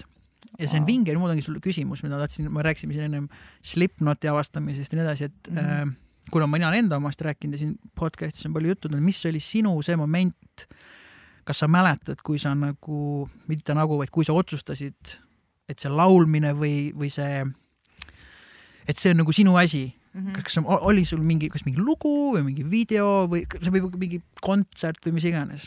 et see on hästi huvitav teekond olnud, mul on lihtsalt endal. Pasta Rhymes. Pasta Rhymes. Ma olen väga rets Rhymes, ma tahan sellest ka rääkida, aga, aga räägi kõigepealt sinu sellest esimesest korrast. kui hea. Kusjuures ma korra ütlen vahele ära selle, sa ennem rääkisid lihtsalt sellest äh, kommentaaride asjast või noh, just see, et sa tulid lavalt maha ja hakkasid enda onju maha Jaa, tegema, jaa. tahtsin korra sellest lihtsalt muidugi. põigata vahele ja siis ma räägin oma pika loo, kuidas ma muusikani üldse jõudsin, aga mul on kusjuures just vastupidi olnud, et äh, ma tulin lavalt maha, kõige esimene live, mis ma siis nii-öelda bändiga tegin millal see oli? äh,. see oli kaks tuhat kaksteist, nii et meil saabki kümme aastat Sigi Valdiga Jaa. Vald oli see esimene bänd. ja okay., ja nii et äh, äh, ja mul oli nagu see moment, et ma tulin lavalt maha, noh, seal üldse, see oli kõik nii maagiline, sest esiteks ma polnud elu sees kujutanud üldse ette, et mina võiks bändiga kunagi ever laval olla või üldse laulja olla nagu bändi ees, sest ma ei olnud selles rollis kunagi varem olnud. Ma olin ju tantsija olnud terve aja ja siis ma olin kooris vahe, ma olin koolikooris niimoodi kord nädalas olid proovid ja siis ma olin kolmas hääl. ma olin alati mingi, oo ma tahaks nii meloodiat laulda, siis mingi, nii Laura, sinul on vali hääl, et võta see alumine A-noot ja laula seda lihtsalt terve laul. siis ma olin lihtsalt mingi, no jah, siin me nüüd siis oleme. aga, aga ja, et äh, ma tulin lavalt maha ja siis hakati nagu, no jah, õnneks meeldis päris paljudele, aga tuldi, ka ütlema, et kuule, vaata, kui sa seda teed, järgmine kord ära nagunii tee, onju. ja vaata, et ma näen, et sul on siin arenguruumi. ja siis ma olin nii segaduses, ma olin mingi, et mis asja, et see mu elu esimene kontsert, et, et kas noh, sest vaata, kui sa koolikontserdil esined kooriga, siis ema ei tule ütlema, et kuule, ma vaatan, et kui sa seda A-nooti seal laulsid, sa oleks võinud suu rohkem lahti teha või noh, lihtsalt sa ei ole harjunud sellega, et sa saad negatiivset peale esinemist mm. ja minul on just vastupidi või noh, ma olen nagu läi-, nagu kasvanud kuidagi ka sinnani, et äh, et kõigepealt nagu räägime kohe ära, mis nagu pekki läks, mis juhtus, onju, ja siis nagu tähistame. ja vahel nagu sa mõtled nende vigade peale juba laivi ajal, mis on nagu halb, et seda, seda ei tohi teha, et sa oled nagu veel siuke, et ära nüüd ära unusta, et sa pead pärast ütlema, et vaata, et järgmine kord ärge nii tehke, vaata, et äh, see nagu vigade otsimine on, on, on tulnud, sest ennem ma nagu enda arust ei olnud nii väga selline, aga just see, et see on noh, tegelikult see on ikkagi ju parema show nimel, sa tahad paremat kvaliteeti, see, see analüüs ei ole, et nagu teisi alla tuua, aga sa tahad, et see nagu, et sa areneksid, et sa tead, et alati saab parem, paremini mm. nii et äh, aga tulles siis äh, selle ajaloo juurde, ma mõtlen, kui kaugemale, kaugele ma lähen äh,. no mul oligi, ma mäletan äh,, see oli üks suvi, kui me ladusime puid puuriite me olime Võrumaal, mu vend oli seal ja siis äh, sõbrannad ja siis äh, nad kuulasid äh, Linkin Parki ja Queen'i. ja siis äh, noh, mina ikkagi olles siis seal oma tantsumaailmas ei olnud ju üldse kursis sellise muusikaga ja mäletan sellesama suve lõpus, ma ei mäleta küll, kui vana ma siis olin, siis ma vaatasin äh, suve lõpus DVD-d Wembley staadionil Queen'i kontserdid ja minu jaoks esimene emotsioon oli see, et nagu hääl ja nägu ei läinud üldse kokku, ma ei tea, miks nüüd, kui mõelda, see on täiesti loogiline, et, et Freddie Mercury ja kõik see. ja ma mäletan, kuidas ma istusin selle suure teleka ees ja ma olin lihtsalt mingi vau wow., et kuidagi nagu ma ei öelnud neid asju välja, aga sa tunnetasid seda energiat ja siis ma lihtsalt kuidagi see tundus nii nagu äge ja nii kuidagi sihuke lahe moment, aga, aga aga peale seda ma ikkagi tegelesin veel tantsimisega edasi ja see oli siis gümnaasiumi lõpus, kui ma läksin äh, ühte projekti, see oli mingi rahvusvaheline sihuke, ma ei tea, vahepeal tehakse noortele mingeid siukseid äh,, erinevast riigist saab mingi kaks-kolm noort ja siis nad koos peavad midagi tegema ja siis äh, seal olid töötoad, oli DJ, oli graffiti ja siis oli tants ja siis me pidime tegema nagu mingi show seal lõpus ja siis äh, seal oli üks kutt, kes mängis kitarri siis oli nagu, et ah, et võiks nagu mingi loo teha sinna lõppu, et ülilahe oleks, et nagu kui kirjutame ise loo, onju. mina ei olnud elu sees mingit laulu kirjutanud või midagi, aga kuna see projektijuht Eesti poolt, siis äh, Nele, kes seal oli, siis tema nagu teadis, et mulle nagu tegelikult meeldib laulda. Siis ta oli ka, Laura, et tule ka punti. Ja siis me hakkasime äh, kirjutama lugu ja siis see oli uh, The Villain Song ehk siis noh, pahalase lugu ja see rääkis sellest, et kuidas uh, sa tead, et sa oled millegi halvaga hakkama saanud ja sa ei tea, kas sa peaksid jääma või ära minema, et kas sa proovid oma nagu nii-öelda lappida seda, millega sa oled kõik uh, hakkama saanud või siis sa põgened. ja siis äh, ma pidin seda laulma üksinda rahva ees ja see oli kuidagi see moment, ma arvan, minu jaoks, kui ma tundsin, et vau wow,, et okei okay,, see on see, mida ma tahaks teha ja siis mul on ka nüüd natuke ajaline, see on nihkes, et see vist oli üheteistkümnendas klassis, aga siis peale kaheteistkümnendat klassi siis ma tutvusingi Henriga ja siis me hakkasime nagu bändi tegema, kuidagi elu kõik nagu nagu nii rä kuidagi random'ilt veeres nagu selles suunas, aga nagu see roki nii-öelda energia oli olnud minus enne, aga ma lihtsalt ei teadnud, mis asi see on, sest kui ma tantsisin, siis ma käisin äh, battle itel ja siis ma tantsisin nagu suht siukest vihast stiili. mulle meeldib, nagu oligi Limp Bizkit Rolling, see juba oli läbi käinud, onju, aga see pigem oli ka, ta on ikkagi siuke rock-hip-hop, onju, et ta ja siis äh, mind kõnetasid kuidagi hästi vihased ja jõulised asjad ja siis, kui me hakkasime nagu sigi tegema, siis ma olin lihtsalt mingi oh my god, see nagu siuke asi päriselt eksisteerib, et ma saan nagu muusikas anda edasi seda emotsiooni ja olla nagu jõuline, aga samas nagu ise võin sõnad kirjutada päriselt või? et ma võin ise öelda, mida ma nagu öelda tahan. et nagu kuidagi see oli nii heurekas, see tundub nagu jabur, aga kui sa ei ole nagu elus, noh, kui sa ei ole selles keskkonnas või üldse, et kus nagu noh, ma lapsepõlves kuulsin Mati Nuudet ja meie meest autos, sest mu vanemad fännasid seda või noh, nad ei fännanud, aga meil oli lihtsalt see plaat käis kogu aeg autos ja nagu reaalselt ma teadsin peast nagu Maria oli mu lemmiklaul ja siis ongi, et sa nagu avastad nagu mingi täiesti teise maailma enda jaoks ja ma nagu siiamaani avastan seda ja avastan mingeid artiste, mis on nagu no täiesti lege ja siis ma vahel nagu hoian suu kinni ja siis guugeldan, ma mingi oi-oi-oi, tean, tean, tean. kuigi see on ka eraldi teema, et julgus nagu tunnistada, et sa ei tea midagi, et see on nagu mega fine. see on mega okei okay,, et millegipärast on tek-, noh, okei okay,, tõesti, ma arvan, et see Slipknoti moment, see, see pigem, et ah, sa ei tea, on see, et vau, sul nagu käib endal kogu see nagu tsirkus peast läbi, mida kõike sa oled avastanud ja teinud ja just tänu sellele bändile ja see, see on, see on, see on nii hea tunne, kui sa oled nagu ütled teisele, et oota nüüd ja siis sa mm. otsid neid parimaid laule ja live-videosi mm. ja siis kuhjad nagu teise üle, et pigem on ju see nagu äge tunne, kui sa saad mm. kellelegi midagi tutvustada, aga millegipärast nagu endal on küll see, et kui sa ei tea midagi, siis sa tahad nagu kuidagi julge ja kõva häälega mm. nagu välja öelda, et, et et, et sa ei tea seda bändi või? jah, mingi teismeeas, ma arvan, see on nagu õrn, aga sellest tuleks ka nagu üle saada no,. Või, võiks saa, võiks li, saada lihtne on öelda, ah saa üle, ma ei taha ja. seda praegu öelda, aga lihtsalt, et julgustada, et noh, mul oli näiteks lihtsalt, see on hoopis random olukord, aga ma olin kuskil pigem selline muusikute peol või selline stuudiotüüpide peol, kus enamik tüübid on minust natukene vanemad. ja siis äh, noh, mina ei olnud oma naisega, aga paljud olid naistega, noh, muusikud ikka räägivad oma kaablitest seal ja eelvõimudest onju, aga siis kuidagi oli mingi sarnane teema, et me ei tea, mis on ja siis üks naine ütles, et või lihtsalt oma mehele, ah mina ka umbes ei tea, mis clearance on. ja kõik olid mingi, ma ütlesin, et ma ka ei tea, mis clearance on.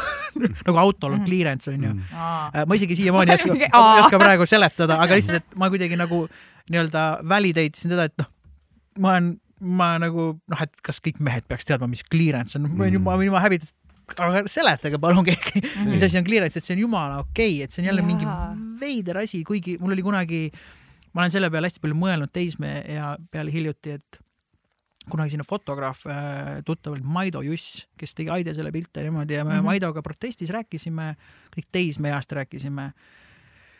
ja Mai-, Maido ütles, et oh, see on üks mu jubedamaid eluperioode nagu teismeiga, tema kindlasti tahaks sinna tagasi minna. Mm. ja siis ma olin nagu, ah mis asja, minu arust just jumala äge. Mm -hmm.. võib-olla minu jaoks äge oli, ma sain Aidese tüüpidega tuttavaks ja ma hakkasin nagu bände tegema ja kõik nagu ägedaks, nüüd tagantjärgi mõeldes seda, endal olles jälle õpilased, et näha neid mingi üheksanda klassi tüüpide lõpu mingit seda stressi, vaata.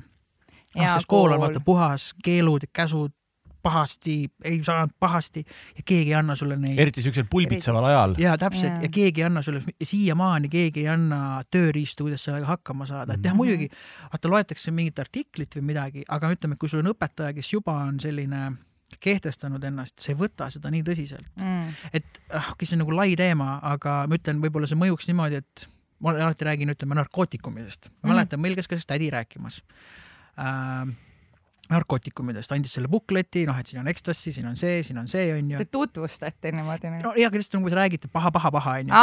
ja, aga mina mäletan. vaata see siin, ära ja, seda tee. ja, aga mina, aga, aga, aga, aga sa nagu, sul ei olnud selle inimese vastu selles mõttes nagu respekti, et, et sa mm. nagu ei uskunud teda, sest ta on see, ta tuli väga heatahtlik ja tore naisterahvas, onju. vahepeal meesterahvas aga mina võtsin selle bukleti, vaatasin, oo, mingi ecstasy paneb mingi ergutama, tahaks küll proovida seda ergutust, vaata, sest mm. mul ei tekkinud seda, et mis iganes mm, -hmm. vaata, et äh, aga näiteks noh, mina ei ole mingisugune avaliku elu tegelane, eks ole, aga ütleme, mina, mina läheksin nagu null häbiga rääkima näiteks oma probleemidest kanepiga, mis mul mm -hmm. mingil ajal olid näiteks teismelistele, ütleme, et noh mm, -hmm. ma olen, et mul, minul oli nii ja nii ja nii mm, -hmm. et tehke sellest omad järeldused, aga noh, võib ka nii ja nii, nii minna, vaata, sest ja. mina võib-olla olen, kujuta ette nüüd. et see ei ole alati must ja valge, onju. et see ei ole must ja valge, aga lihtsalt kui läheks inimene, kelle, kes ei, kes ei pea sulle seda rääkima, aga kes on otsustanud mm -hmm. jagada ja see ei tähenda seda, et sa pead nagu moraali lugema, vaid sa jagad seda kogemust, et noh noh, kuni selleni, et näiteks sõitsin ilma turvavööta, olin õnnetuses ja nüüd olen ratastoolis. see on see, mis paneb inimesed nagu mõtlema, et oot, ma paneks selle turvavöö kinni mm. -hmm. aga kui lihtsalt keegi sulle kogu aeg õpetaja ketrab ja see õpetaja tahab hullult head, lihtsalt see autoriteedi vahemik on nii suur, et sa, noh muidugi sul jääb nagu meelde, aga sa ei võta seda võib-olla, seal ei ole nagu, ta ei ole mõjus, mis ma tahan öelda, ta ei ole nii mõjus, kui räägib sulle keegi, kes on kas siis nagu kannatada saanud või natuke kannatada saanud või kellel on lihtsalt noh, kogemus mingisuguse sarnase asjaga. no yeah. kogemus versus teooria ongi alati ja. nagu põhi, põhiasi, sest teooria on teooria ja noh, ma võin siin rääkida, aga samas, kui ma ise pole proovinud, siis ma nagu, ma ei ole nagu selle kogemuse kehastus või täpselt, nii, eks ole. et see on nagu number üks et kusjuures äh, ma jäin just mõtlema selle õpetamise kui sellise peale, et äh, minuni on hästi palju jõudnud see lause, et, et kui sul üks viis ei toimi, siis proovi nagu teist lähenemist ja mul oli koolis oli, noh, mul oli üsnagi raske, sest see oli matemaatika kallakuga kool ja reaalained äh, ei ole kindlasti minu tugevus, aga äh, gümnaasiumis meil tuli äh, mees matemaatikaõpetaja ja ta kasutas täiesti teistsuguseid meetodeid ta sai aru, et äh, okei okay,, mul on klassis siin praegu kolmkümmend naisterahvast, sest meil oli no, me, poisid ja tüdrukud olid eraldi gümnaasiumis oh., mis on ka väga huvitav kogemus e,. aga, aga jah, lihtsalt, et rääkides sellest õpetamisest, et äh, tema meetod oli üldse noh, näiteks ma mäletan, meil oligi Pythagorase teoreemi, me õppisime, meil olid südamed ja tähekesed. see on naljakas, see tundub nagu jabur, aga see kõnetas. ta mm. sai aru, et tal ei ole mõtet lihtsalt suruda meile kuivalt seda teooriat ja üks hästi äge asi, mida ta tegi, mis mul siiamaani on meeles, oli see, et äh, me pidime kõik võtma siis ühe mm, ülesande ja lahendama selle ära nii, et me filmisime samal ajal ja seletasime, miks me seda ülesannet nii lahendame. sellepärast su oma eakaaslane seletab ju absoluutselt teistmoodi, kui seletaks õpetaja, kes on sinust aastaid vanem. ja mhm. see oli nagu noh, see, see oli nii nagu äge, et ta tegi selle huvitavaks, et sa nagu tahtsid aru saada, sa mm. tahtsid mõista, sellepärast et äh, sa järsku olid nagu tiimiga ühes nagu selles paadis, et sa absoluutselt. jah, et see on huvitav. mul oli see... need lähenemised ongi muutunud sinna, et, et, et kus kohas on need inimesed, kellele ma justkui seda infot siis nüüd õpetama peaks ja lähme nagu nende, nende teadlikkuse tasemele, eks ole, ja siis, siis ja siis kaasadki neid tööriistu, millest nemad aru saavad, kus nemad nagu eksisteerivad. see ei tähenda, et nad vastu ei võtaks, väga hästi, noh, nii võtavadki vastu, eks mm. -hmm. et äh, see on nagu äge, et see on nagu muutunud, sest noh, ütleme see, mis sa rääkisid, see ongi nagu veits eilne päev si-. No, vot ma ei tea, kuidas praegu õpetatakse. aga noh, ütleme mm -hmm. Laura praegu rääkis, kuidas nemad seda tegid, noh ikkagi ja. natuke aastaid nüüd hiljem võib-olla onju, aga tundub jumala loogiline nagu. minu jaoks oli see, et ma üürisin Kadriorus korterit ja siis seal ei olnud nagu vannituba, nagu tuba mm -hmm. oli olemas, aga seal mitte midagi, noh, torud olid veetud, aga see oli nagu filmist saag, ma nimetasingi selle lõpuni saag mingi kolm toaks sest noh, ma kaunis. noh, see oli jube, aga, aga ma lihtsalt noh, oligi, et paneme põrandaplaadid, paneme seinaplaadid, teeme midagi ära, siis ma mäletan, pidin hakkama pindala reaalselt arvutama, oota, kuidas see käis mm,. vaata ja siis, siis on need plaadimõõdud on ju, kuidas noh, et mul töömees tegi, aga mina pidin lihtsalt ostma mm.. siis kujuta ette, jumala, ma ei tea, võib-olla seda tehakse tänapäeval juba mm., ma pakuks välja, kujutame ette, et sa oled see noh, okei okay,, on see Mikk või Laura või Killa onju, oleme seal mingi, õpime neid pindalasid, ruumalasid. et okei okay,, sul on oma tuba, disaini mm oma tuba, aga näiteks, et sul on selles mõõdus plaat mm, -hmm. see pane ühte seina, selles mõõdus tapeet sinna seina, nii palju arvesta siia, et sa peaksid kuidagi oma keskkonnas oma, looma oma keskkonna nende vahenditega, aga mõõtes ja arvutades, see on selline, oh kuidas ma oma tuba disainiksin, see ei tähenda, et sa pead reaalselt seda tegema, aga sul on põnev, vaata, siis hakkab mõte jooksma, aa okei okay,, see plaat on selle mõõduga, mitu tükki ma pean ostma mm. -hmm see on mingi reaalne asi, mida sul läheb reaalne vaja. situatsioon. Mm. onju, ja siis võib-olla, kui sa oled sinna Mata eksamile, sa oled, aa okei okay,, et siin on see mingi ruumala pindal, aa kuidas ma oma toale lähenesin, teeme mm -hmm. nii ja nii, onju. aga meil, noh, minu ajal oli vähemalt ikkagi see, et ikkagi sõimu ja piitsaga selles mõttes, ütleme, ma võtan alati seda kokku niimoodi, et lihtsalt kooli said kehva hinda, said sõimata, läksid koju, oli kehv hinne, sõimati, miks sa halba hinna said yeah. ja siis ainuke asi, mis öeldi, pane päevikusse kirja, mis õppida on vaja. see oli nagu ainuke lahendus mm. ja kui sa oled kahe, siis tule järele tööle, lepi ise kokku, onju. mis on mm. kõik, kõik mm. õige. selle asemel, et oota, kuidas me, kui sa oled nagu hädas, kuidas me teeme mingi plaani, mingi mm. pika, kuidas me saame seda paremaks teha, ma saan aru, et õpetajal on seda raske teha, kui sul on, mul oli kolmkümmend kuus matsi oli kuni üheksanda klassi lõpuni onju mm. -hmm. mina olen maksimum õpetanud viite inimest korraga trumme ja nad kõik olid mu tublid õpilased. hoomata seda viite inimest oli äärmiselt raske ja nad olid veel tublid tüübid ja ma olin selles mhm. mõttes autoriteet, nad kuulasid mind mm. -hmm. aga ikka oli raske, siis ma ütlen, korruta see siis, mis nagu noh, kolmkümmend kuus tüüpi on sul, seal ongi raske, aga ma arvan, et kui natukene pidada plaani nii kodus kui mhm. koolis, see on nagu võimalik, et lihtsalt keegi seletaks ära, kuidas õppimine käib, kuidas su aju töötab mm. -hmm ja, need ei ole mingid rasked asjad, see on yeah. nagu elementaarsed asjad, et ma tean seda hästi palju jahunud, äh, ma olen mõlemale teist mitu korda rääkinud, aga minu unistus on kunagi, kui ma peaks nagu lapse saama. Äh, ma toon alati selle luuletuse näidet. kõigile anti meil luuletus pähe õppida, onju. Mhm. noh, neljapäevaks. homseks on vaja luuletus pähe õppida. aga tavaliselt ei anta nagu päev ette, see antakse mingi kolm-neli päeva ette või nädal ette, onju mis siis juhtub, kõik on kolmapäeva õhtul, surevad kodus, ebaaus, mingi neli salmi, vaata, midagi ei jää meelde ja siis sa oled stressis selle pärast, siis sa lähed kooli, siis koolis kõik tõmblevad seal klassi ukse taga, vaata, kordavad seda viimast, viimast salmi, onju, viimast värssi. ja siis kõik üritavad maha saada selle luuletusega, onju, mina teeks niimoodi. okei okay,, neljapäeval on luuletus õppida äh,. ütleme esmaspäeval anti mm. -hmm. ma ütleks, et ai, esmaspäeval üks kolmapäeva salm. öösel kell kakskümmend kaks viiskümmend üheksa. esmaspäeval õpime ühe osa, teisipäeval teise osa, no ütleme, anti veel varem, ütleme iga päev natukene ja päev enne seda luuletusasja me läheme kinno hoopis sest me oleme iga päev natukene effort'it näinud, meil ei ole mingit stressi oh,. siis me wow. läheme neljapäeval kooli, own ime ära selle luuletuse. aga kui sa nüüd suudad planeerida enamik asju niimoodi, et sa ei hakka see kakskümmend kolm, kakskümmend, et õpikud lahti onju asi pole selles, et nii ei saa, aga sul endal on nagu stressi elus lihtsalt vähem. aga mm. nüüd sa, tuleme selle teismeikka tagasi, onju, sul hormoonid pulbitsevad, sul on, sul luuletus, sul on see töö. noh, ega isegi, ega see on inimloomus, muidugi olid Messengeris yeah. seal, aa okei okay,, kell on null null viisteist, vaataks seda matatööd ka homseks, onju mm. -hmm. aga ma ei ütlegi, et sa kõiki asju saad niimoodi kontrollida mm. -hmm. aga kui sa kuskilt otsast hakkad pihta, et kust minul see tuli, ma läksin äh, Otsa kooli kus ma esimest korda hakkasin väga teadlikult oma aega planeerima, vaatasin, okei okay,, mul on harmoonia, solf, muusikaajalugu, eriala, bänditund, samal bänd, poole kohaga tööl, okei okay,, mul on seitse asja, ütleme, mis mul on vaja teha, noh, tegelikult tahaks ainult trummi mängida, tahaks ainult eriala õppida. siis ma tegin mitu tundi, ma peaks midagi harjutama ja mulle räägiti, et sa peaks kaheksa tundi trummi harjutama. kui ma nagu selle välja kirjutasin, vaatasin, aga noh, ma pean mingi kaks tundi magama et kõiki asju, et see on, noh, see ei ole, see on ebareaalne onju, et peaks ikka mingi kuus, seitse, kaheksa tundi võiks magada, eks yeah. ole. ja siis ma hakkasin nagu planeerima, et okei okay, äh,, ma teen natukene seda, natukene seda, aga iga päev, kogu mm -hmm. aeg.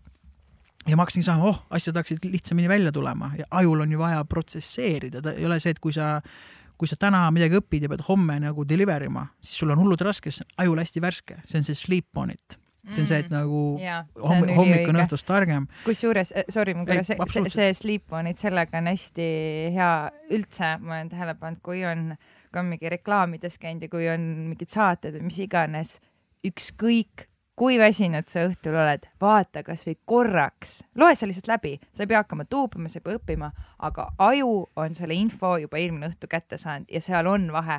see on täiesti, see on nii hämmastav, kuidas see toimub, ma olen mhm. ka nagu täiesti unise peaga olen vaadanud, aga ma sunnin ennast nagu vähemalt nii palju, et vaata lihtsalt korra üle, mis homme toimub või mis seal saates äh, hakkab toimuma või noh, kasvõi ongi raadio puhul ka, et kes meil nagu külla tuleb, et uuri juba praegu, et ära tee seda nagu hommikul onju mm, -hmm. sest sa oled veits juba sa lülitad, sa tekitad ajus nagu mingi väikse siukse pesakese, kus on see info juba sees. Kui, kui... Create new folder. ja new folder ja uue kaustakese teed, et see on, see on väga-väga hea nipp. vot, aga ütleme, aga see on nagu endalgi raske aga see on see plaan, see on see plaan ja mõtlesin, kui keegi oleks, noh, võib-olla mingi seitsmendas, seitsmendas klassis ma võib-olla poleks võtnud tõsiselt. Mm, -hmm. aga mingi üheksandas, kümnendas ma oleks, noh, kui ma oleks tõesti praktiseerinud seda, noh, me oleme siin Killaga ka rääkinud hästi palju no enesearendusest vahet pole, kas see on füüsiline või mentaalne, aga see võtab mhm. selles mõttes, see võtab distsipliini, mhm. onju mitte motivatsiooni, vaid distsipliini. Mm.. ja raske on, me just täna rääkisime Killaga, et no vahepeal tulevad need augud sisse, onju, see on okei. okay.. Tee uus plaan, või nagu Kristeliga rääkisime, plaan ei lähe päris täppi, muuda natukene plaani, aga lihtsalt jätka. Mm. -hmm ja ma tean, need äh, Simson Killa mingi motivatsiooniminutid, aga, aga, aga, aga selle, sellepärast ma ei räägigi midagi, muidu on iga, muidu on iga kord ainult mõlemad sellest räägimegi et.... aga see on nii oluline, sest muidu me unustame, ise unustame ka ära, et äh, võib-olla te tahakski, miks me jahume sellest nii palju, et, et, et, et kui kuulavad seda, onju, et sa yeah. me kõik struggle ime sarnaste asjadega, võib-olla ala on teine. Jaa, aga, aga see aja planeerimine on tõesti see on, see on, see on nii oluline asi, et, et oskaks nagu oma aega planeerida ja jah, see, see, et, et seada nagu mingi plaan kokku, et mida nooremana sa seda nagu harjutama hakkad, seda lihtsamalt see tuleb, kuigi sa mainisid ennem korraks järeleaitamist.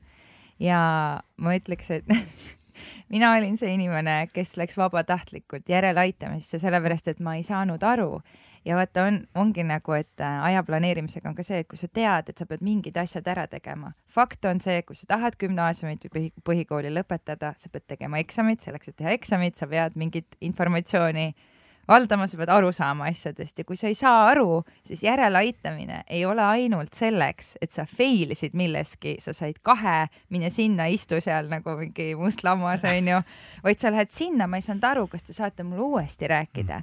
Ja ma olin keemia järeleaitamises nii kaua, ma ütlesin, ma ei lähe siit enne ära. Ja ma ütlesin õpetajale, palun seletage mulle nii, nagu ta räägiks mingi kuueaastasele lapsele, seepärast ma lihtsalt, ma ei saanud aru, see, ma teadsin, et see ei ole minu ala, ma teadsin, et ma olen piisavalt kohusetundlik, et ma ei jäta kooli pooleli ja, ja ei võta seljakotti ja põgen ära, ma tahan selle ära teha ja ma tahan selle võimalikult hästi ära teha. ehk ma läksin ja istusin sinna. Ja ma olin seal nii kaua, kuni ma nagu asjast aru sain ja lõpuks isegi tuli üks viie poiss ära, aga just see, et nagu et sa julged endale tunnistada, et, et sa ei saa millestki aru või et, et, et sa aitad iseennast ja tekitad selle mm, harjumuse. Ja mul on näiteks lauluharjutustega on samamoodi, et ma olen tekitanud endale selle, et see on võib-olla nagu, nagu sihuke äärmuslik näide, aga et sul on veits nagu paha tunne kui sa ei harjuta või kui sa ei tee, sest see on mm. osa su päevarutiinist, see on nagu hambapesu või hommikupuder, et, et midagi on nagu puudu, et me ei ole täna teinud seda, et, et mm, -hmm. et siukene, nagu sa ütlesid, et distsipliin on tegelikult hästi oluline, et äh, sellega muidugi ei tohi liiale minna, et ei tohi nagu mingit räiget äh, süütunnet hakata endas nagu tekitama, onju, et see on nagu teine äärmus, aga lihtsalt äh, distsipliin, et äh, see on nagu üks asi, kui ma olen mõelnud kooli peale, et äh, a la noh küll on räägitud, et aa, miks matemaatikas või selles aines, mul ei lähe ju päriselus seda vaja.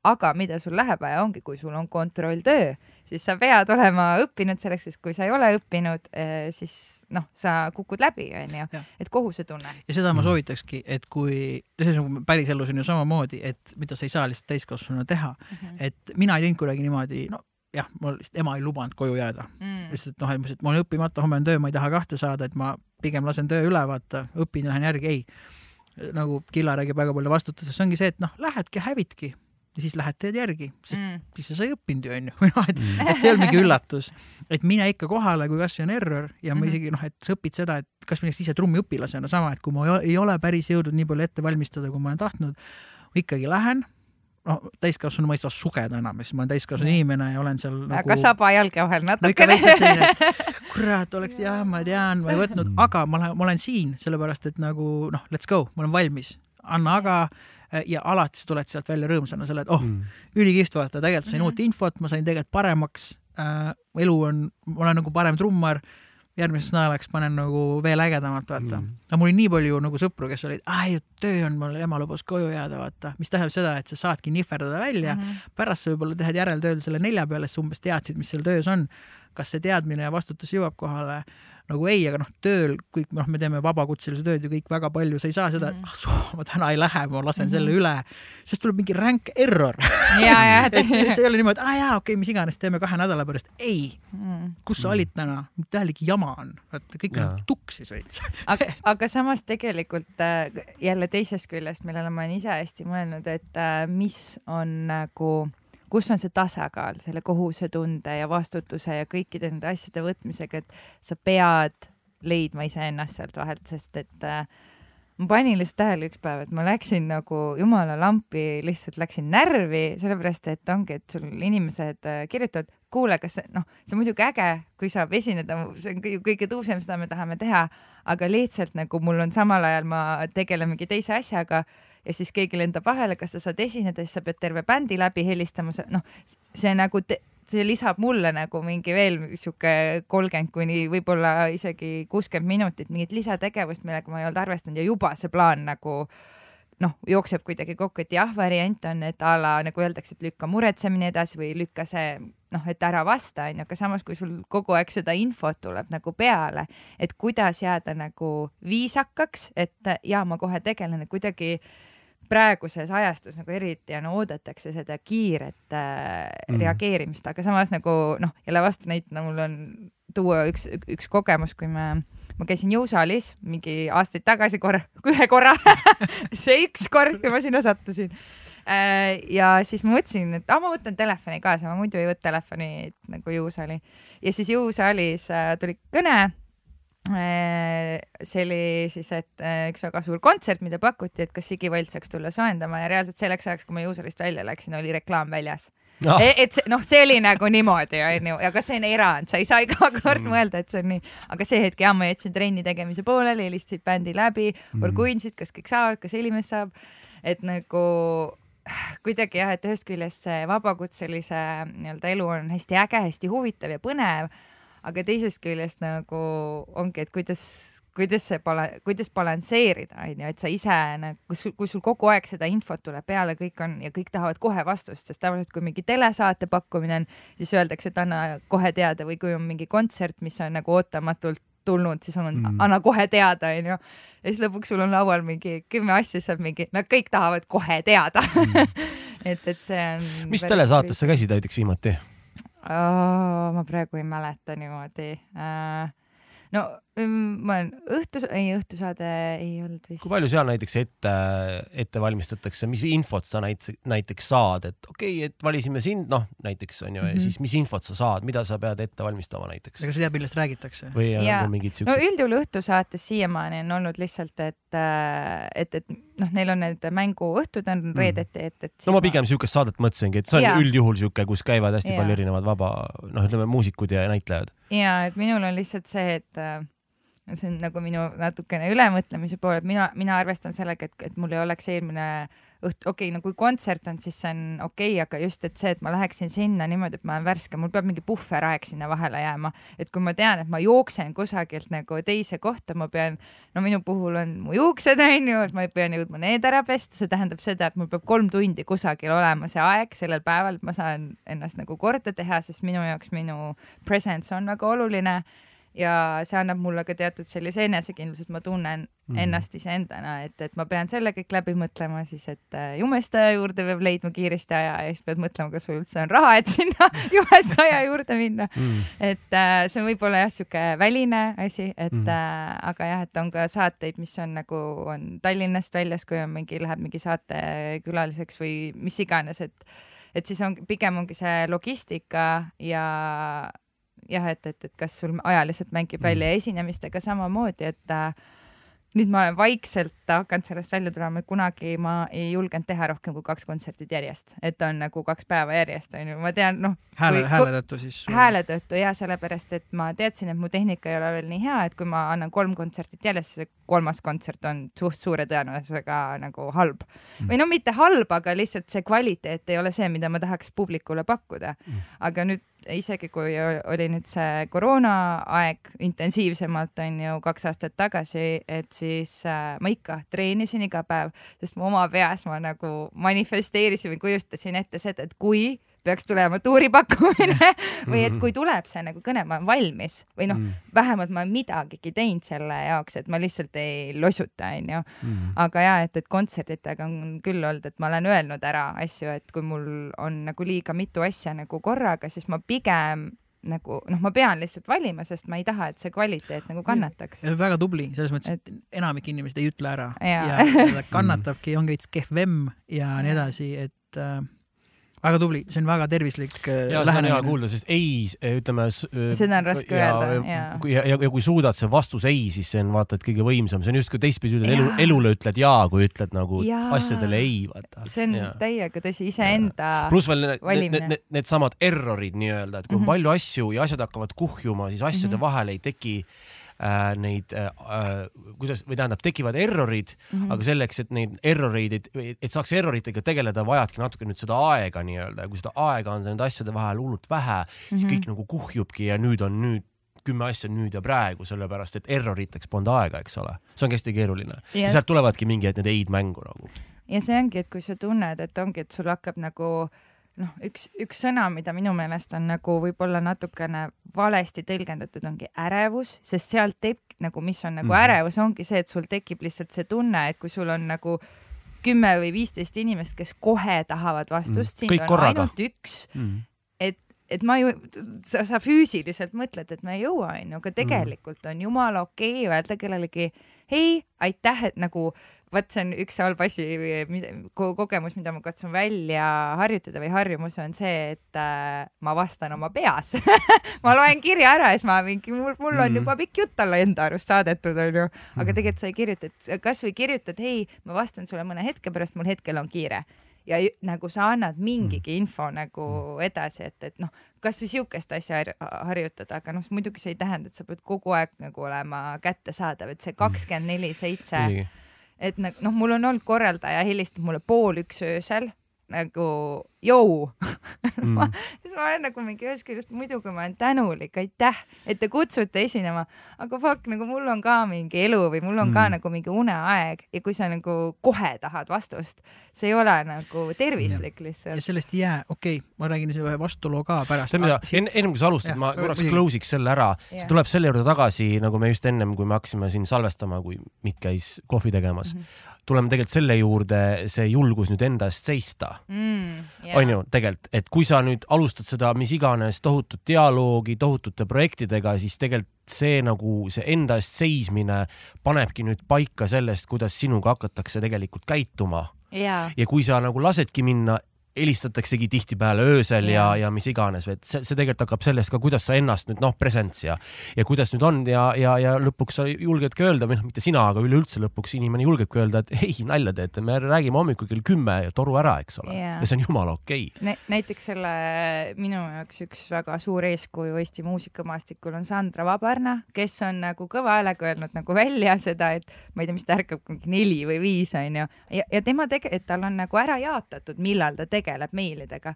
aga mhm. vot see ongi nagu huvitav, et ühest küljest sa nagu avad ennast, sa oled nagu nii-öelda open book, aga sa, samas nagu see on ka hästi kaval samm, et, et kui sa oled sellest päris palju rääkinud, siis mm. tegelikult inimesed, kes nagu tööstuses sees on, nad teavad, et okei okay,, ta vastabki mulle kell seitse mm -hmm. või kuus hommikul because this is how she rolls, onju mm. -hmm. et see hirm nii-öelda noore artistina, mida ma ise olen nagu aastaid nagu tundnud, on see, et aga äkki, kui ma ei vasta, ma jään ilma ja siis ma ei saa mm. rohkem pakkumisi. Mm.. aga samas nagu see on küll sihuke ego paitus korraks, aga, aga sa võid sama hästi ka mõelda, aga kui nad sind ikka väga tahavad, siis nad võivad hommikul ka helistada ja, ja kirjutada, et, et, et äh, sa pead nagu jah, oma väärtuse hindamine ja leidmine on nagu, see on päris raske. no läbi praktika, läbi, läbi, läbi praktika ja. jõuadki sinna, ei olegi, peaasi, et sa jõuad lihtsalt sinna, sest see on su enda tervis igatipidi, no sest noh, ütleme, teame kõik omast käest läbipõlemine lugemine ei ole just eriti tore, kui lõpuks mm. tolm vaibub ja siis sa oled seal niimoodi, et ühes käes on katkine trummipulk ja äh,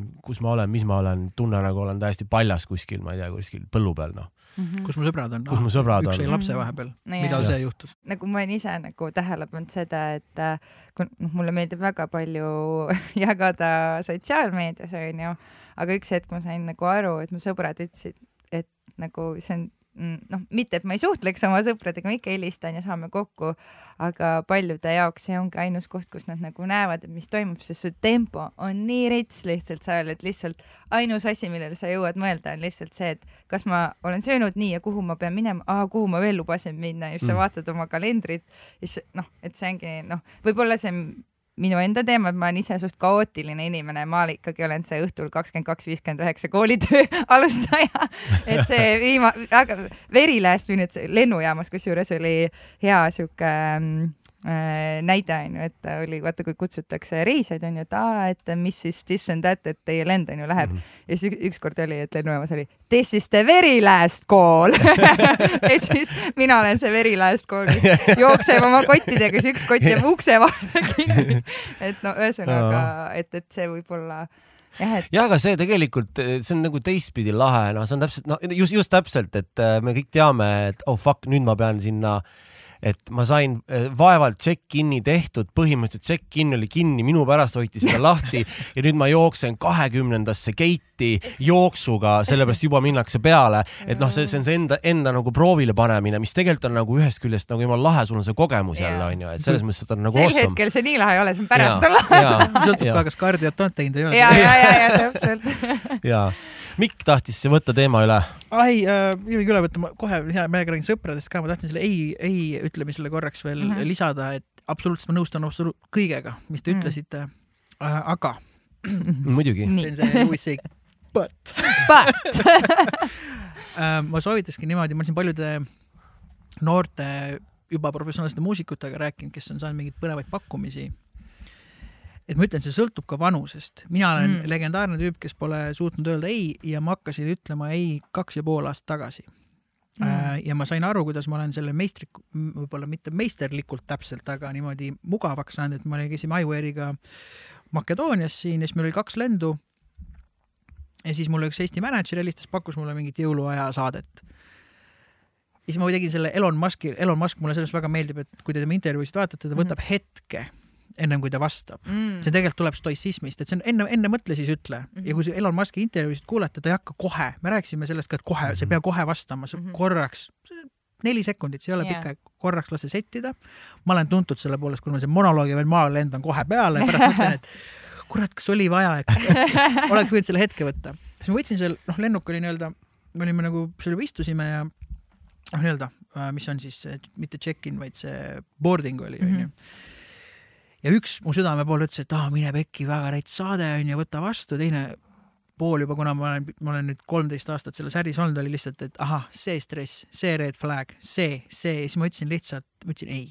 Mm.. aga väga viisakalt wow., inimene oli veits kohkunud, aga ütles, et ma saan täiesti aru, ja siis ma panin telefoni ära, tegin väikse tukastuse, sest mina, ma magan maandumised õhkutõusud maha, sest ma magan liikuvatest transpordidest väga hästi. tavaliselt ärkan üles siis, kui juba. ideaalne tuurimuusik. ja mul on, mul toimib see väga hästi, ma olen reaalselt niimoodi läinud, et mul üks sõbranna, kes väga kardab lennata, et me hakkasime Manchesterist Tallinnasse lendama kunagi tema kardab lendamist, tema hoidis mul käest kinni ja nuttis ja mina, mina juba natuke norskasin, mitte pahaga aga nagu noh, tiksud. selleks mina, e- e- ma olen ka see, kes kardab äh, lendamist, äh, aga aga ühesõnaga jah, et see ei ütlemine väga oluline aga ma arvan, see ei ütlemine tuleb tagasi selle plaani juurde, kui sa endale seadud, mida sa tahad teha või saavutada mm.. mm. miks ma Just. räägin nendest noortest muusikutest, et näiteks kui ma peaks nõu andma kahekümne aastasele, kahekümne ühe aastasele muusikule, kes praegu käib Otsa koolis ja näiteks tahab saada äh, üheks Eesti mingi, no selles mõttes ma ütlen top kümme kitarristiks, et noh, on mõned muusikud, kui me räägime puhtalt hired gun seisukohast mm, -hmm. kellele ma silma pilgutama ütleks, võtke see tüüp ja sul on, kõik on mega mm.. Yeah. anna ainult ette, mängib ja, mida iganes. ta on professionaalne, ta on õigel ajal kohal, ta ei ole keikalt täis äh,, sound ib hästi, temaga on lahe hängata, terve tagasitee saab võib-olla veits nalja, vaat kõik on mm -hmm. okei okay. -hmm. et aga noh, selle koha peab mitte nii-öelda välja teenima, vaid välja tõestama toon mm. näite, ma mängisin suvel siin ühes projektis, läksin proovi Kristo Kotko juurde, seal oli äh, Marilyn Kongo, kes laulis back'i, see oli mingi äh,, nimi on Robin Mäetalu, üks väga äge noor Eesti kitarrist ja vaatasin, kiitsakas tüüp on. ma mõtlesin, et sa oled mingi Drive It Up'i õpilane või noh, ma olen talle ka rääkinud, siis mõtlesin, kes see, noh, ta, ta näeb välja kõige parem nagu beebi, noh, ta nägi välja kuusteist, tegelikult on vist kakskümmend, noh, ta on noor tüüp, mina olen kolmkümmend viis selles mõttes, et minu jaoks juba siin kaheksateist kuni kakskümmend viis näeb välja ma ei tee väga võib-olla vahet alati, onju äh, heas mõttes.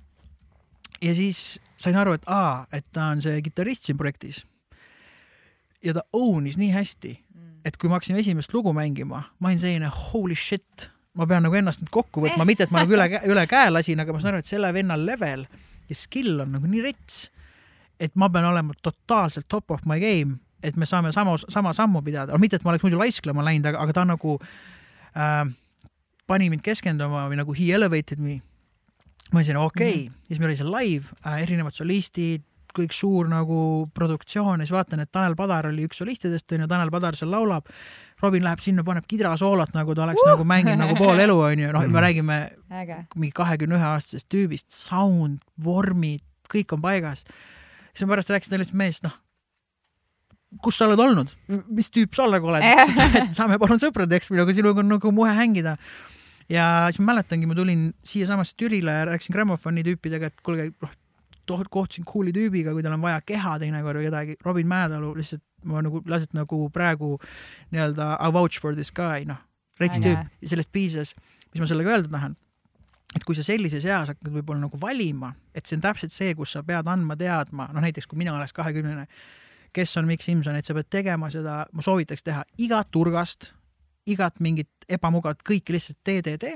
see võtab kaks-kolm aastat aega ja kui sa oled hea ja jääd silma, siis sa saad hakata valima. mm -hmm. noh, et aga siis, kui sa saad yeah. aru, et sa saad hakata Selle valima, sa pead sellega ära tabama mm, -hmm. siis muidu sa võid läbi põleda. aga mingis vanuses, kus ja, ja ma ütlengi, siin on see plaan oluline, onju, mhm. kui on see, et näiteks Robin oleks olnud, ai noh, mulle veits meeldib siin kitarri tinistada, vaata, siis see polegi nii oluline siis lihtsalt tinista, kui sul on see, et kuule, ma tahaks olla professionaalne muusik ja ma tahaks, et mul oleks võib-olla neljakümne, viiekümne aastane mõtestatud karjäär, siis sa pead algul nagu mitte ei ütlema, aga kui sa juba saad aru, et sul on mingi, mm -hmm. mingi väärtus või sind hinnatakse, siis sa loomulikult võid hakata nagu noh, ütlema ei ja peadki hakkama ütlema mm -hmm. ei. sest muidu on liiga palju. jah, aga muidu keegi ei saa teada, äh, kes sa nagu oled, sest sa ei ole pildis, sest ega minul samamoodi, mina ei olnud kunagi rets keika tüüp, kui ma otsast tulin, ma olin see Aide, see alternatiiv, mingi semipunk-trummar, rock-trummar, noh et mm -hmm. ma ei osanud mängida hästi vaikselt ja niimoodi mm. Yeah ja mina teenisin selle Koiduga kümne aasta jooksul välja, sest inimesed lihtsalt nägid mind, nad mm -hmm. nägid mind Rapla lauluväljakul, nad nägid mind kuskil Kannu kõrtsus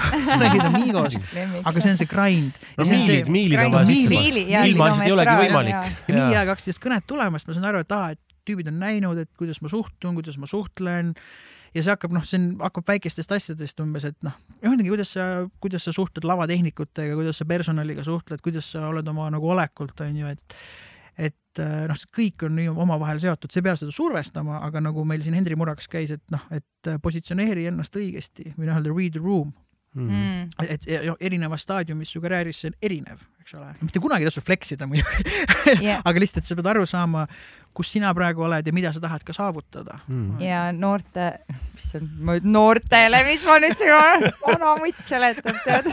lase nüüd tulla lase nüüd tulla minul on näidanud elu seda veel parem, okei okay., elu, aga oh, nagu alati nagu all, always stay humble, alati ära, ära hakka hüppama nagu see on ja. nagu see, see on nii iseenesestmõistetav asi, aga ma olen nagu ise näinud nagu ka noh, ongi mingi, kas mingid noored kitarristid, kes tulevad nagu nina veits püsti ja sihuke, aga üks äh, teema, millest ma tahtsin tegelikult rääkida, oli äh, äh, see aktsepteerimine ja enesetõestamine. see on nii huvitav, mul suvel oli selline kogemus, et äh, ma olin äh, koos kahekümne Eesti väga ägeda naissolistiga seal lauluväljakul äh,. ja laulu, see oli samal päeval, ma olin ka Toompeal äh, ja lauluväljakul oli ka väga suur staariparaad, onju. aga tead, kui huvitav on see, et äh, kui raske oli hoida nagu mõtetes seda, et jää iseendaks, sest kui sul on ümberringi onju noh, üliandekad Eesti lauljannad, kellel, kellel on kõigil on kleidid ja asjad onju ja siis äh, ma hoidsin lihtsalt kogu aeg ja juba, kui me neid laule valisime, ma hoidsin oma peas seda, et ma tahan nagu, et jää iseendaks, ära, ära hakka ennast nagu teiste järgi kohandama, sellepärast et see on, see on nii automaatne tulema, kui sa oled mingis nagu keskkonnas. et noh, meil on Sigiga ka hästi palju olnud seda, et on kontsert ja siis sa hingad niimoodi sügavalt sisse välja, saad aru, et no sa üldse ei sobi sinna, sa oled nagu täiesti teine teema, sa oled mingi oh god onju, aga samas nagu selle asja võlu, sa pead nagu iga kord ikka siiamaani ma pean meelde tuletama, et sind kutsuti siia sellepärast, et sa oled selline, nagu sa oled, et ära hakka ennast nagu mm. nagu ümber tegema sellepärast. aga see aktsepteerimise osa on ikka nagu, et kui sa nagu, sa pead kuidagi nagu laval teed korra mingi sound'i või asja ära, et sa tunned, et võib-olla see on midagi, mida ma ise nagu tunnen, kuna noh, kuna ma ei ole lõpetanud muusikakooli, siis sisimas on ikka nagu see kõhklus, et kas, kas ma olen nagu päriselt, kas ma sobin nende ja, inimestega, am I good enough ja. nagu aga samas siis sa lähed ja lihtsalt teed oma asja ja siis sa saadki aru, et sa oledki seal põhjusega, sa oled selle koha mm. nagu mingis mõttes nagu välja teeninud. ja et, et kui sa teed oma asja, et, et äh, see on nii oluline, mitte lasta ennast nagu noh, muidugi tasub nõu kuulata ja mitte nagu meelega, et aa, ma põhimõtte pärast ei tee nii, aga, aga mingid nagu jah, nagu sa ütlesid, et sul on mingi plaan paigas, et see on mingi sõnum, mida ma tahan edasi kanda ja ma või meelega, ma, mina panin ikka oma retuusid ja tanksaapad jalga ja röökisin seal laval ja ketistatiiv ja nagu Muidugi. ma saan aru, et teised on ilusates kleitides, but I don't roll this way nagu.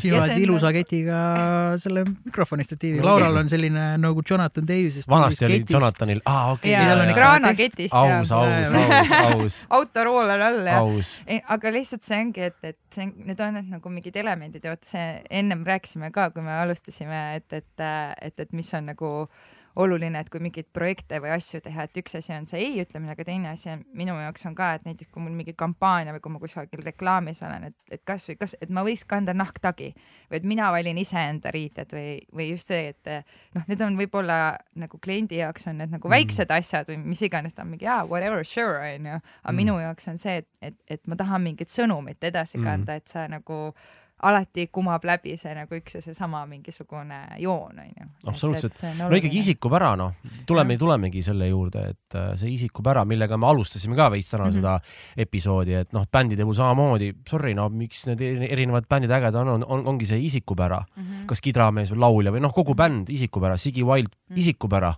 seal ei olegi muud et äh, nii on, kui me kõik, kui, kui me kõik võtaks arvesse seda juttu, et pärast öeldakse, et ma ei tea, see A-noot võiks nii olla, sorry, siis, siis ei oleks neid isikupäraseid bände nii palju lihtsalt, sest kõik üritaks seda A-nooti parandada, sest ma ei tea, kogemata oli vana õppejõud või, või kes iganes mm -hmm. oli publikus või tädi onju, et äh, isikupära noh. ma just äh, korraks tulen trummisoundiga siia juttu, aga just kuulasin podcast'i ühe ägeda trummariga, kus rääkisid äh, näiteks äh, Police'ist ja Stewart Copelandist, kuidas äh, tol ajal, kui Police tuli, siis äh, hästi moes olid trummi sound teha umbes selline nagu Fleetwood Macil selline tuš-tuš, selline sügav, mahe mm., selline kuiv mm Stewart Copeland ütles ei, me crank ime need trummid ülesse ja ma tahan mängida hästi palju breike ja, ja siis ma saan aru, täielik võitlus oli mingi labelite ja Stingiga, kõikide mm. asjadega. tänapäeval kuulad seda Police'i muidugi vaatad, et geniaalne. trummid kõlavad isikupäraselt, ägedad, aga tüübil oli nagu mune, et võidelda nagu selle vastu. muidugi see kõik lõppes ka onju, sest noh ma olen lihtsalt rits Police'i fänn, ma tean ikkagi nagu Sting ja Copeland läksid peale laivi, olid ikkagi fist fight'id lava taga, mitte veerand tundi pärast, vaid lavalt maha ja kaklus. sellepärast Stingile ei meeldinud tempot, Stewartile ei meeldinud, meeldinud, kuidas Sting juhtis, onju, sest olid lihtsalt kaks väga tugevat frontman'i, lihtsalt üks tüüp oli taga trummidel. ja, ja, ja umbes mingi teel rongil järgmises olid nagu kaklused, noh mm., Stingi vaatad mingi tantramees, vaata aga noh seal taga pulbitseb ka, aga jällegi see viis suurte ilusate, ilusate, ilusate asjadeni mm., et see isikupära tuli välja ja ma tahan, Laura, sulle veel öelda, et mina ise olen selle noh, enda puhul siis selle imposter syndrome'iga väga retsilt võidelnud, sest ega ma ei ole ka mingi priimus kunagi olnud mm. või ma olen lihtsalt trummi mänginud ja mm mulle lihtsalt meeldib mängida trummi ja ma mingis nüüd selles vanuses hakkan vaikselt sellest üle saama. et see, et sa ei ole mingit kooli lõpetanud või midagi, see ei loe midagi, sest kui sulle helistatakse ja nii-öelda kõned tulevad ja tahetakse, siis sa teed juba midagi õigesti ja siis sa väga äge, et sa ütlesid, sa peadki minema iseendana, sest tahetaksegi sind. Mm.. mul on küttebändiga see hea näide, et, äh, et äh, vaata, noh, ma aastaid ei mänginud küttebändis, hakkasin jälle mängima, siis mul oli mingi pulm. see oli täpselt kaheksateist mai kaks tuhat kakskümmend üks, oli, kui kuus kuud polnud ühtegi keikat olnud koroona tõttu, siis küttebänd mängis Viirelaiul oi, see on nii äge koht. siis me tegime proovi ja siis umbes vana hea, et noh, siin nagu noh, meil on ka kümme või üheksa, meil on põhimõtteliselt Slipknoti nagu koosseis me ei saa ühe bussiga minna alatigi onju, kahe autoga minema või bussiga no,. Mikk vajab eraldi vänni nüüd juba. ja siis umbes keegi küsis, kuna Karl Sirele bossi ajab, et kuule, et noh, mingi pulm, et äh, pane mingi lipsu või Karl ütles mingi ei, küttebänd kutsus, et vana hea paoks saama talle musta maikaga, tulge kus tahate, vaata. küttebänd on küttebänd, me ei hakka mingi muutma ennast, et nad kui tellis-. see on ülioluline, see on ülioluline. küttebändi, sest tahavadki seda pauksi, kes seal maikaga ja mingi penti, kes seal kõlari otsa ronib ja sealt võib-olla alla kukub, onju, ja kellel lõhkst, et noh, seda bändi nad nägid kuskil ja seda bändi nad tahavad. et kui nad tahavad midagi muud, siis nad telliks midagi muud ja ma, ma nagu väga-väga usun sellesse ise samamoodi, sest kui see on see Prince'i lugu, mis ma vist rääkisin esimeses podcast'is või kuskil, et Prince'il oli selline asi, et tal oli üks insener kelle ta oli äh, palganud. Mm, -hmm. siis inseneril oli nagu öelnud, oo, et ma ei tea, et noh, et et kas ikka prints nagu diigib nagu, mis ma teen. Yeah. ja siis ta oli stuudios küsinud, et, äh, et ma ei mäleta enda lugu, aga et, et umbes, et do you really like my work? Ja siis prints oli öelnud, et sa oled siin ju, noh, et aren't you, et noh, et mis küsimust me juba teeme. miks sa oled, ilmselgelt sa ei oleks siin, kui ma ei oleks kursis ja ei tahaks just sind. Mm., sest ma võin ükskõik mis inseneri ju maailmast saada, et see on nagu noh, et, et sel hetkel sa pead selle ära nagu, no mitte ära unustama, et see ei olegi oluline, sest see on põhjusega on sulle helistatud, tahetaksegi mm. sind ja end of story. kusjuures mul oli vahepeal, ma katsun ka sellest üle saada, et mul oli siuke sündroom et ma hakkasin enda asemel mõtlema, et kes seda paremini teeks. ma tahtsin nagu soovitada kedagi teist ja mitte sellepärast, et ma arvaks, et ma noh, mulle endale meeldib seda teha, mis ma teen, aga ma lihtsalt mõtlesin teise inimese peale, et äkki nende jaoks kvaliteet oleks parem, kui no. keegi teine teeks ja siis ma olin lihtsalt mingi, mu sõbrad olid ka, et Laura, lõpeta ära nagu, et come on, et sulle antakse võimalus, et Mm. võta sellest kinni. et kuidagi millegipärast on ja iseendale nagu see iseendasse uskumine, iseendale Mm. mahamüümine Eks on me- väga raske. eks me põgeneme hästi palju enda eest sellepärast ja ühel hetkel sa avastad, et kurat, enam pole kuhugi põgeneda. ja, ja, ja, et, ja, et, et nii on noh. ja kusjuures üks asi, mida ma avastasin, no eelmine aasta oli nagu täielik, täielik roller coaster, ma olin nii mitmes erinevas rollis, küll ma tegin, ma olin mingi programmijuht, siis ma olin mingi aeroobikatreener, siis ma, ma täiesti nagu seinast seina, aga ma meelega panin ennast olukordadesse, kus ma tundsin end veidi ebamugavalt. Meelega, et mul ei oleks seal hea olla, mitte et nagu mulle ei meeldiks see, vaid lihtsalt see, et me väga hästi mõistame see kõditav ebamugavus, vaata, sest, sest seda on vaja, sest sel hetkel, kui sa teed seda, siis sul on siuke oh shit, oh shit et, et, et, et sa noh, sa ei tea nagu, kuidas sa Mm. sellega hakkama saad. ja siis ma olin mingi ei, ma meelega lähen ja teen praegu seda, mis ma võin nagu räigelt fail ida, aga nagu ma tahan ennast panna sellesse olukorda, et ma nagu areneksin, sest kui sul on kogu aeg ülimugav, siis järelikult no ei arene. sa ei arene, tegelikult põhimõtteliselt sa näksasid sa- äh, jah. selle, sa näksasid selle valemi ise läbi, ainult nii ongi. Ai-, ainult arenemis, arenen, arenen, arenemismoment on ainult selles ebamugavuse piirimail. mm. ja sinu jaoks oli Rock FM-i minek, mäletan, me rääkisime pikalt. Jaa. jaa, sa oled ka, õige, õige. kusjuures ma sain selle eest nüüd värskena, põhimõtteliselt viimase nädala jooksul alles teada, palju õnne. aitäh ja äh, see on ja väga äge teekond olnud, et tegelikult see, kuidas ma sinna üldse sattusin, oli päris lõbus, et äh, ma olingi siis just võtnud selle hästi ebamugava rolli või no heas mõttes ebamugava rolli, kui ma olin programmijuht, sest ma ei olnud elu sees teinud programmi, ma ei olnud, ma olin mingi keskkoolis mingeid üritusi korraldanud, ühe Sigi kontserdi, mis me ise tegime kaks tuhat üheksateist aastal vist oli see, et äh, ja siis äh, noh, ma ju ei teadnud, kuidas täpselt nagu üritusi teha ja plaanitud oli, et ma teen nädalavahetusel nagu paar üritust, aga tegelikult me tegime vist kuu ajaga üle kahekümne viie ürituse, et neid tuli väga palju ja meil no need olid, seal oli ka väiksemaid üritusi, mingid viktoriinid, asjad, et see oli lihtsalt läbirääkimine, kes tuleb tegema, aga ikkagi, et sul kava pidi jooksma, ma mäletan esimene koosolek, kui ma istusin siin, siis ma mingi, vaadati minu poole, et nii, mis siis see programm on, siis ma pean, ja siis sa hakkad fake ima, sa kujutad ette, et sa oled Sex nagu ja täpselt, do it nagu. ja ei no ongi. et lihtsalt äh, tihtipeale on vaja pääseda selle, sellesse ruumi, mis iganes see ruum on, kus Jaa. sa saad nagu suu lahti teha ja all good noh. ja, ja siis oligi seal nagu me, me hakkasime siis korraldama sellist asja nagu oli melomaania ja siis ma kutsusin sinna Robert Kõrvitsa Mm. Ja siis ta paistab eriti mohe tüüp. oh,, ta on see, ma olin kohe oh,, ma viskasin, ma tean, see kõlab võib-olla veits valesti, ma viskidest nagu heas mõttes rääkima jääda, selles mõttes selle mehe teadmiste pagas ja Mm. samas nagu no mina tean teda. normaalselt, ta on lihtsalt nii chill ja äge inimene. mina, mina mäletan teda filtri ajast lihtsalt sellepärast, kunagi Mm. oli musasaade Filter, mm. -hmm. ta oli seal, siis oli juba nii, et hmm, päris muhe sepik., ta ongi mohe ja temaga on nagu hästi äge nagu koostööd teha ja oligi, kui me seal uues laines ta tuli Melomaaniasse, siis ta rääkima metal-muusikast, siis mul oli sõbrannal oli samal päeval sünnipäev ja siin tuleb nüüd äh, veel üks minu lemmikteema on sisetunne ja tunnetamine ja mu sisetunne ütles, et äh, mine veits varem lainesse, et vaata, vaata lihtsalt, et oleks chill, et äh, Robertil oleks kõik nagu hästi, onju, et noh, nii-öelda programmijuhina ikka nagu tšekkad, et üritus jookseks, onju Mhm. Ja siis äh, ma nägin äh,, oligi Robert oli seal, tuli, ütles, et kuule, et natuke rääkisime juttu, siis ta oli mingi, kuule, et teeks äkki šotid onju. kell ei olnud väga palju. Aga ma olin mingi muidugi. Ja siis ta oli mingi oo Hansa šott, siis ma olin nagu kuulnud seda sõna, aga ma Mm., ma ei teadnud, mis see oli, ma mingi jaa, jaa, jaa, ma mõtlesin, et kas see on mingi tekiila või ma ma olin lihtsalt mingi jaa pour it out onju. Siis ma võtsin selle Hansa šoti sisse ja issand, kuidas hakkas jutt jooksma siis me lihtsalt rääkisime ülipalju. Ja jumala tore oli siis ta läks äh,, läks plaate mängima ja siis ta üks hommik kirjutas mulle, et äh, jõu, kuule, et jumala äge oli juttu rääkida, et mis sa arvad, et kas sa oleksid nõus mingi hommik äh, noh, et oleksid sa valmis nagu hommikuprogrammis ka nagu kaasa lööma, et räägiks nagu juttu ja värki onju siis ma mäletan, ma seda, ma lugesin seda sõnumit, see oli päris mingi varahommikul, ta vist saate ajal või millalgi kirjutas seda ja see oli mingi seitse või kaheksa hommikul, mul oli korra uni ära läinud, see on see moment, kus sa loed ja siis sa oled mingi too hetk ma olin mingi elukaaslane mingi ärka üles, ärka üles! Ma olin mingi vaata, kas, kas ma näen õigesti või? Ja see oli nagu mingi meeletu ekstaas, sellepärast et no mm. see on nagu sihuke väike salajane unistus olnud, et ma saaks nagu olla Rock FM-is ja seal nagu saadet teha, et see oleks üliäge ja siis äh,, aga siis läks nagu mingi aeg mööda, siis nagu ei toimunud midagi, siis ma olin mingi okei okay,, et mis nüüd saab.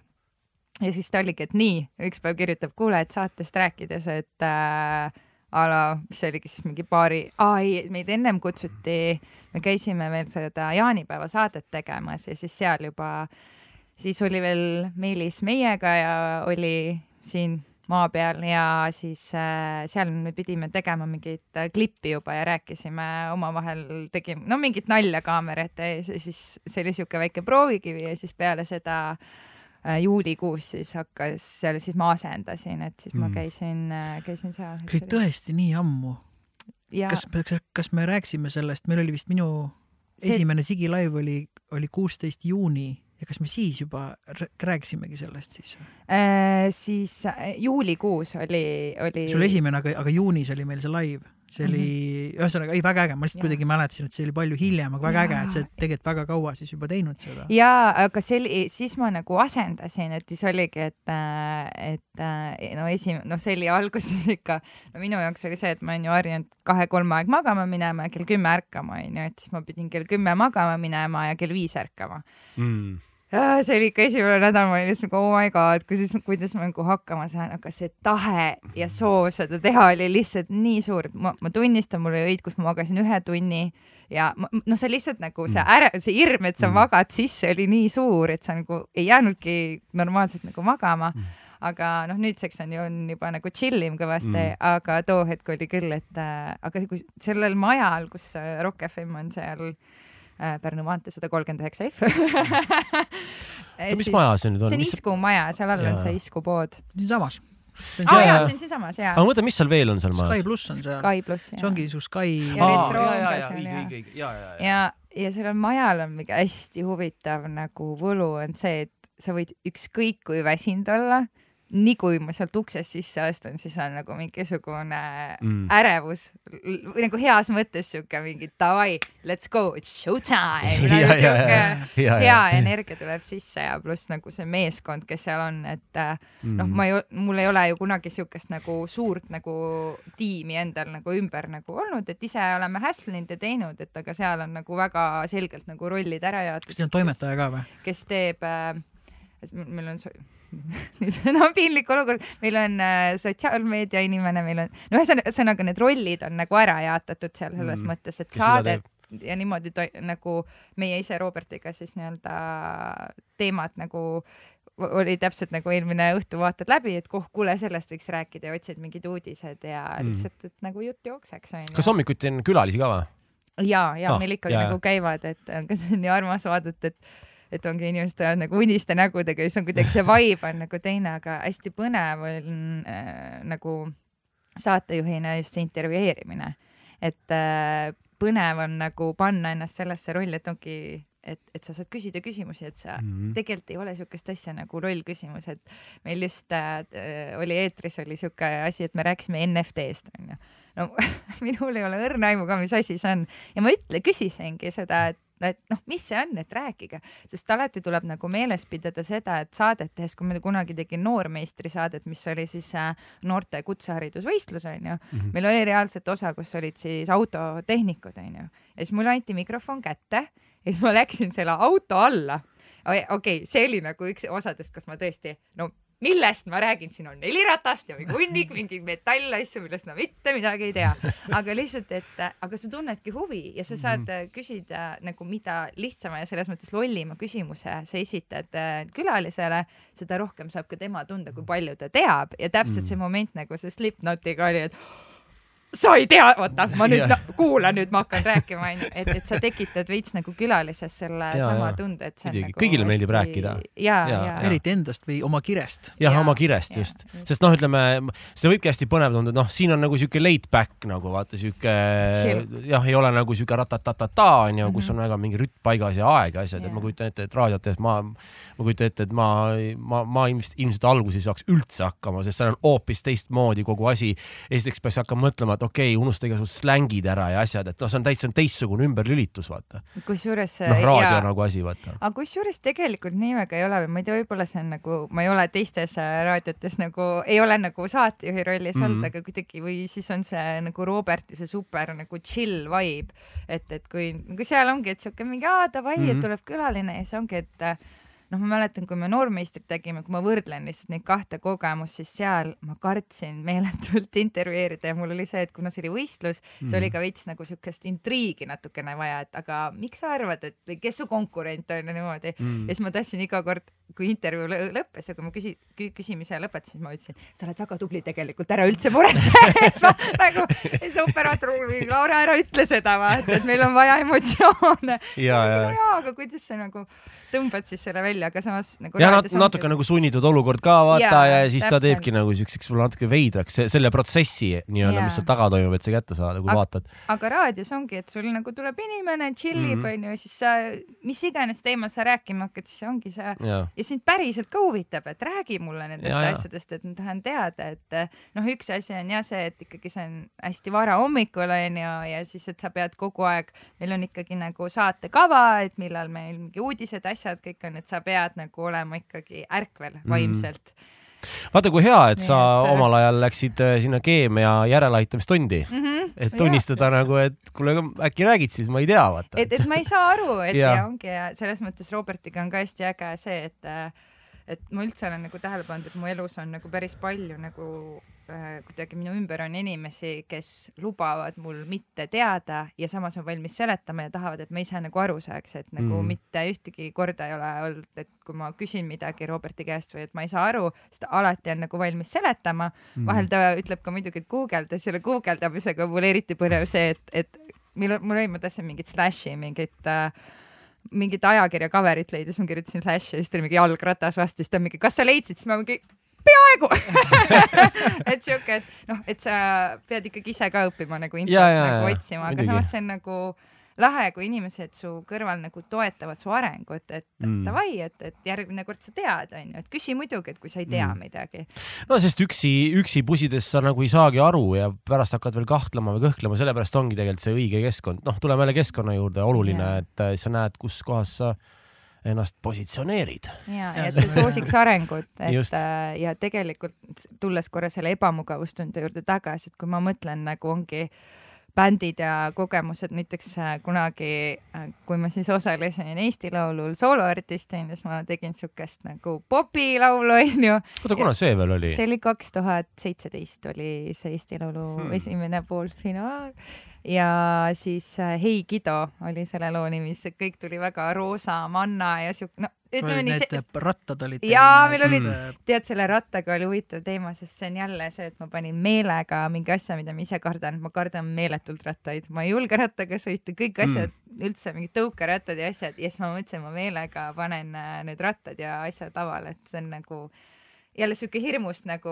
üle, ülesaamine, et, et äh, oota, millest ma hakkasin rääkima ja ma tahtsin tulla jah, et ühesõnaga jah, et äh, see ei, ma unustasin nüüd ära. aga see oli sinu isiklik, isiklik huvi, see sooloäkt nagu tahtsid kuidagi nagu äh, lihtsalt mingi katsetus või kuidas keegi soovitas või tule või, või, või kuidas see oli üldse kusjuures eraldi huvitav teekond, ma läksin ühte äh, nii-öelda laulukirjutajate laagrisse ja mm. sooviga, et ma tahtsin tegelikult Sigile saada uut muusikat, aga nagu, et, et proovida kellegi teisega nagu koos kirjutada, et lihtsalt vaadata, mis saab, onju ja siis äh,, ja siis seal mind pandi ühte tiimi And Andres Kõpperiga ja siis Tara Nabavi, kes oli siis äh, üks äh, Rootsi laulukirjutaja.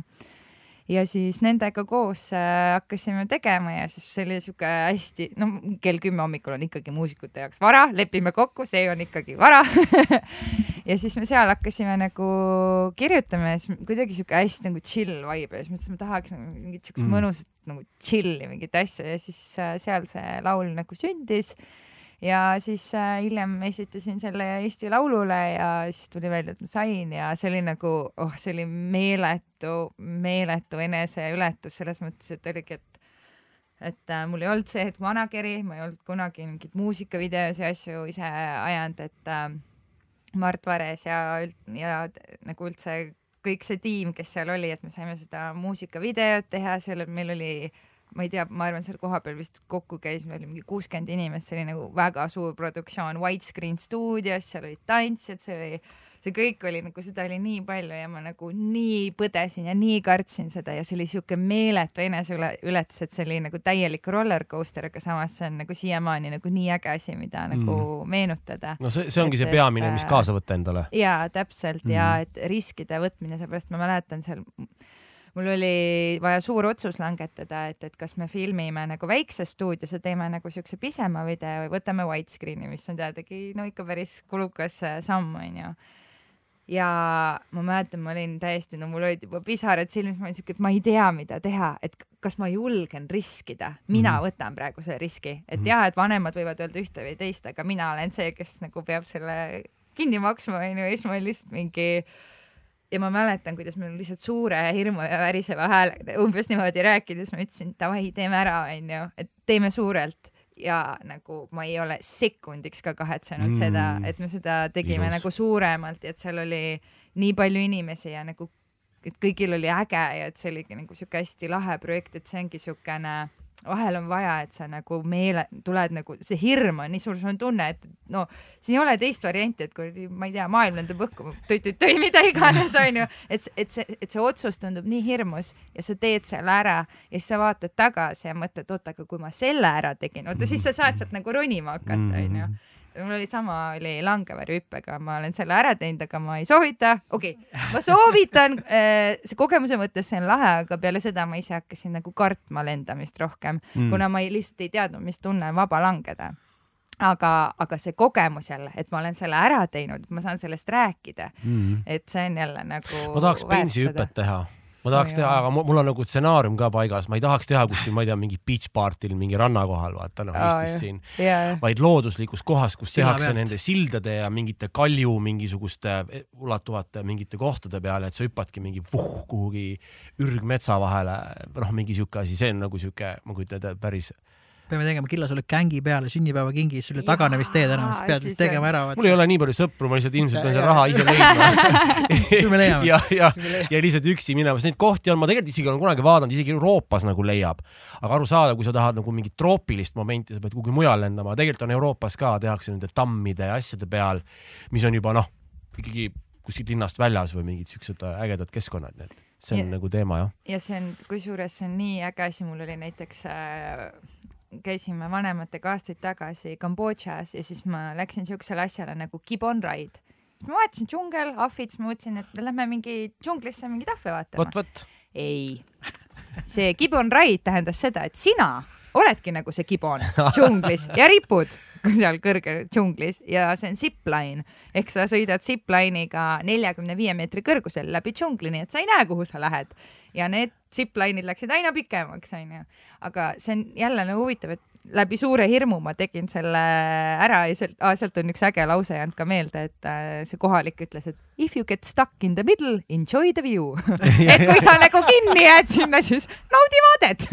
mega, mega hea koht. ja, ja, just täpselt. Paanikaks pole põhjust, tuleb järgmine, lükkab edasi. jaa, täpselt, ära põe, onju et see, aga samas see on nagu asi, mida mu vanemad nagu siiani meenutavad, et nagu aga sa tegid selle ära, onju, aga sa tegid mm. langevarjuhüppe ära, aga ja, sa tegid, ongi selle Toompea lauluväljaku, mis iganes, et jah, et, et järgmine ja, aina ja, edasi. oluline on lihtsalt meenutada enda jaoks seda, kui sa oled jälle selles hirmu, hirmu, hirmupunktis mõnikord, siis on jälle hea võtta, et mis asja, ma tegin selle ära, olemas, sa saad jälle edasi ja edasi nagu me peame liikuma küsimuste juurde, sest meil hakkab aeg pressima kahjuks, aga äh, muidu sa ei jõua lihtsalt oma järgmisele kohtumisele. aga, aga väga äge, me, me kindlasti, meil jäi paljust asjadest rääkimata. Mm.. jube lõbus on ka. tuled tagasi, tuled tagasi, väga lõbus on ja aga Killa, sinul on. Äh, mul ja meil on, meil on mingid traditsioonilised küsimused, see on umbes see, et, et umbes noh, mis. kas kohvitee? põhimõtteliselt ja, ja noh, mis ja just täpselt, mis esimesena nagu tuleb pähe. oi, kui nunnu, sul on väike roosa paber. roosa jah, ise kirjutasin veel siukse selle harilikuga, et vaja, noh, saab kustutada. väga hea et kui sa saaksid teha koostööd kellega iganes, siis kes see oleks, äh, vahet ei ole, kas elavad või surnud? Linda Perry mul, ma olen selle peale lihtsalt nii palju mõelnud ja ma olen kuidagi ta intekaid ja asju vaadanud ja lihtsalt kuidagi match ib ja klapib ma tahaks väga temaga kunagi koostööd teha. aga tänapäeval sotsiaalmeedia asjad, kerge email või asi, miks mitte? nagu tõsist, täitsa tõsiselt. sest sa ise oled badass, tema on badass, samal ajal badassid hängivad koos tavaliselt. vot ja võib-olla tuleks äh, võtta kätte muidugi, ja kirjutada muidugi. ma noh, arvan, et see on, ma arvan, sellel nädalal plaan juba äkki. jah, jah. jõu-jõu. mina alustan, sina lõpetad. ükskord tuuril olles, ma teen stage dive'i ma ei ole teinud seda veel. Ei ole jah ei ole jaa. kas sa mõtled, et ükskord tuuril, tuuril olles, mida ma teen siis onju? mm? -hmm. ükskõik või mida sa No oled teinud. aga vist, tead kunagi, kui ma te- Sigit nägin, aga vist siis sa äkki ei teinud jaa, aga see lihtsalt tundus nagu, et sa kohe-kohe teed. et see on tulemas. see oli, see oli tohutu energia. kõige hullem nõuanne, mis sa kunagi saanud oled? äh,. appi, ma ei tea äh,. Ei ole vist nagu niimoodi kõige hullem, ma arvan, et mul praegu, et ma peaks natukene mõtlema selle peale, et mis on kõige hullem nõuanne, ma isegi ei oska, ei tule praegu vist jah aga kõige parem nõuanne? äh,. usalda iseennast. nõus. pelmeenid, kas äh, praetud või keedetud? nii oluline küsimus, oleneb tujust, ma olen väga sihuke, ma ei tea, kui nüüd jätta, jätta Herkula puder kõrvale, mida ma iga hommik söön ja mida ma ühtemoodi söön ja täpselt sama moosi ja võileivaga, siis äh, pelmeenidega on küll see, et pigem ma vist keedan neid, aga praetud on sihuke juba midagi peenemat. mul on mega hea, et mina kusjuures keedan ja praen. ja ma just tahtsin öelda, et seda, et saab ka mõlemat teha, et keedad ja praed, nice, nice, nukid, me peame tegema nukid selle peale. jep, ja Meil- kartuli maitseaine, Mm, nii pelmenku põks mm. -hmm. äh,. minu nimi on Laura ja ma olen, laulja. väga ilusasti öeldud, aitäh sulle, Aaro, tulemast. suurejooneline laulja. aitäh teile kutsumast. ma isegi, ma, ma, ma isegi ütleks artist absoluutselt. mm.. Aitäh. artist. jaa jee. yeah., aitäh sulle. thanks. aitäh.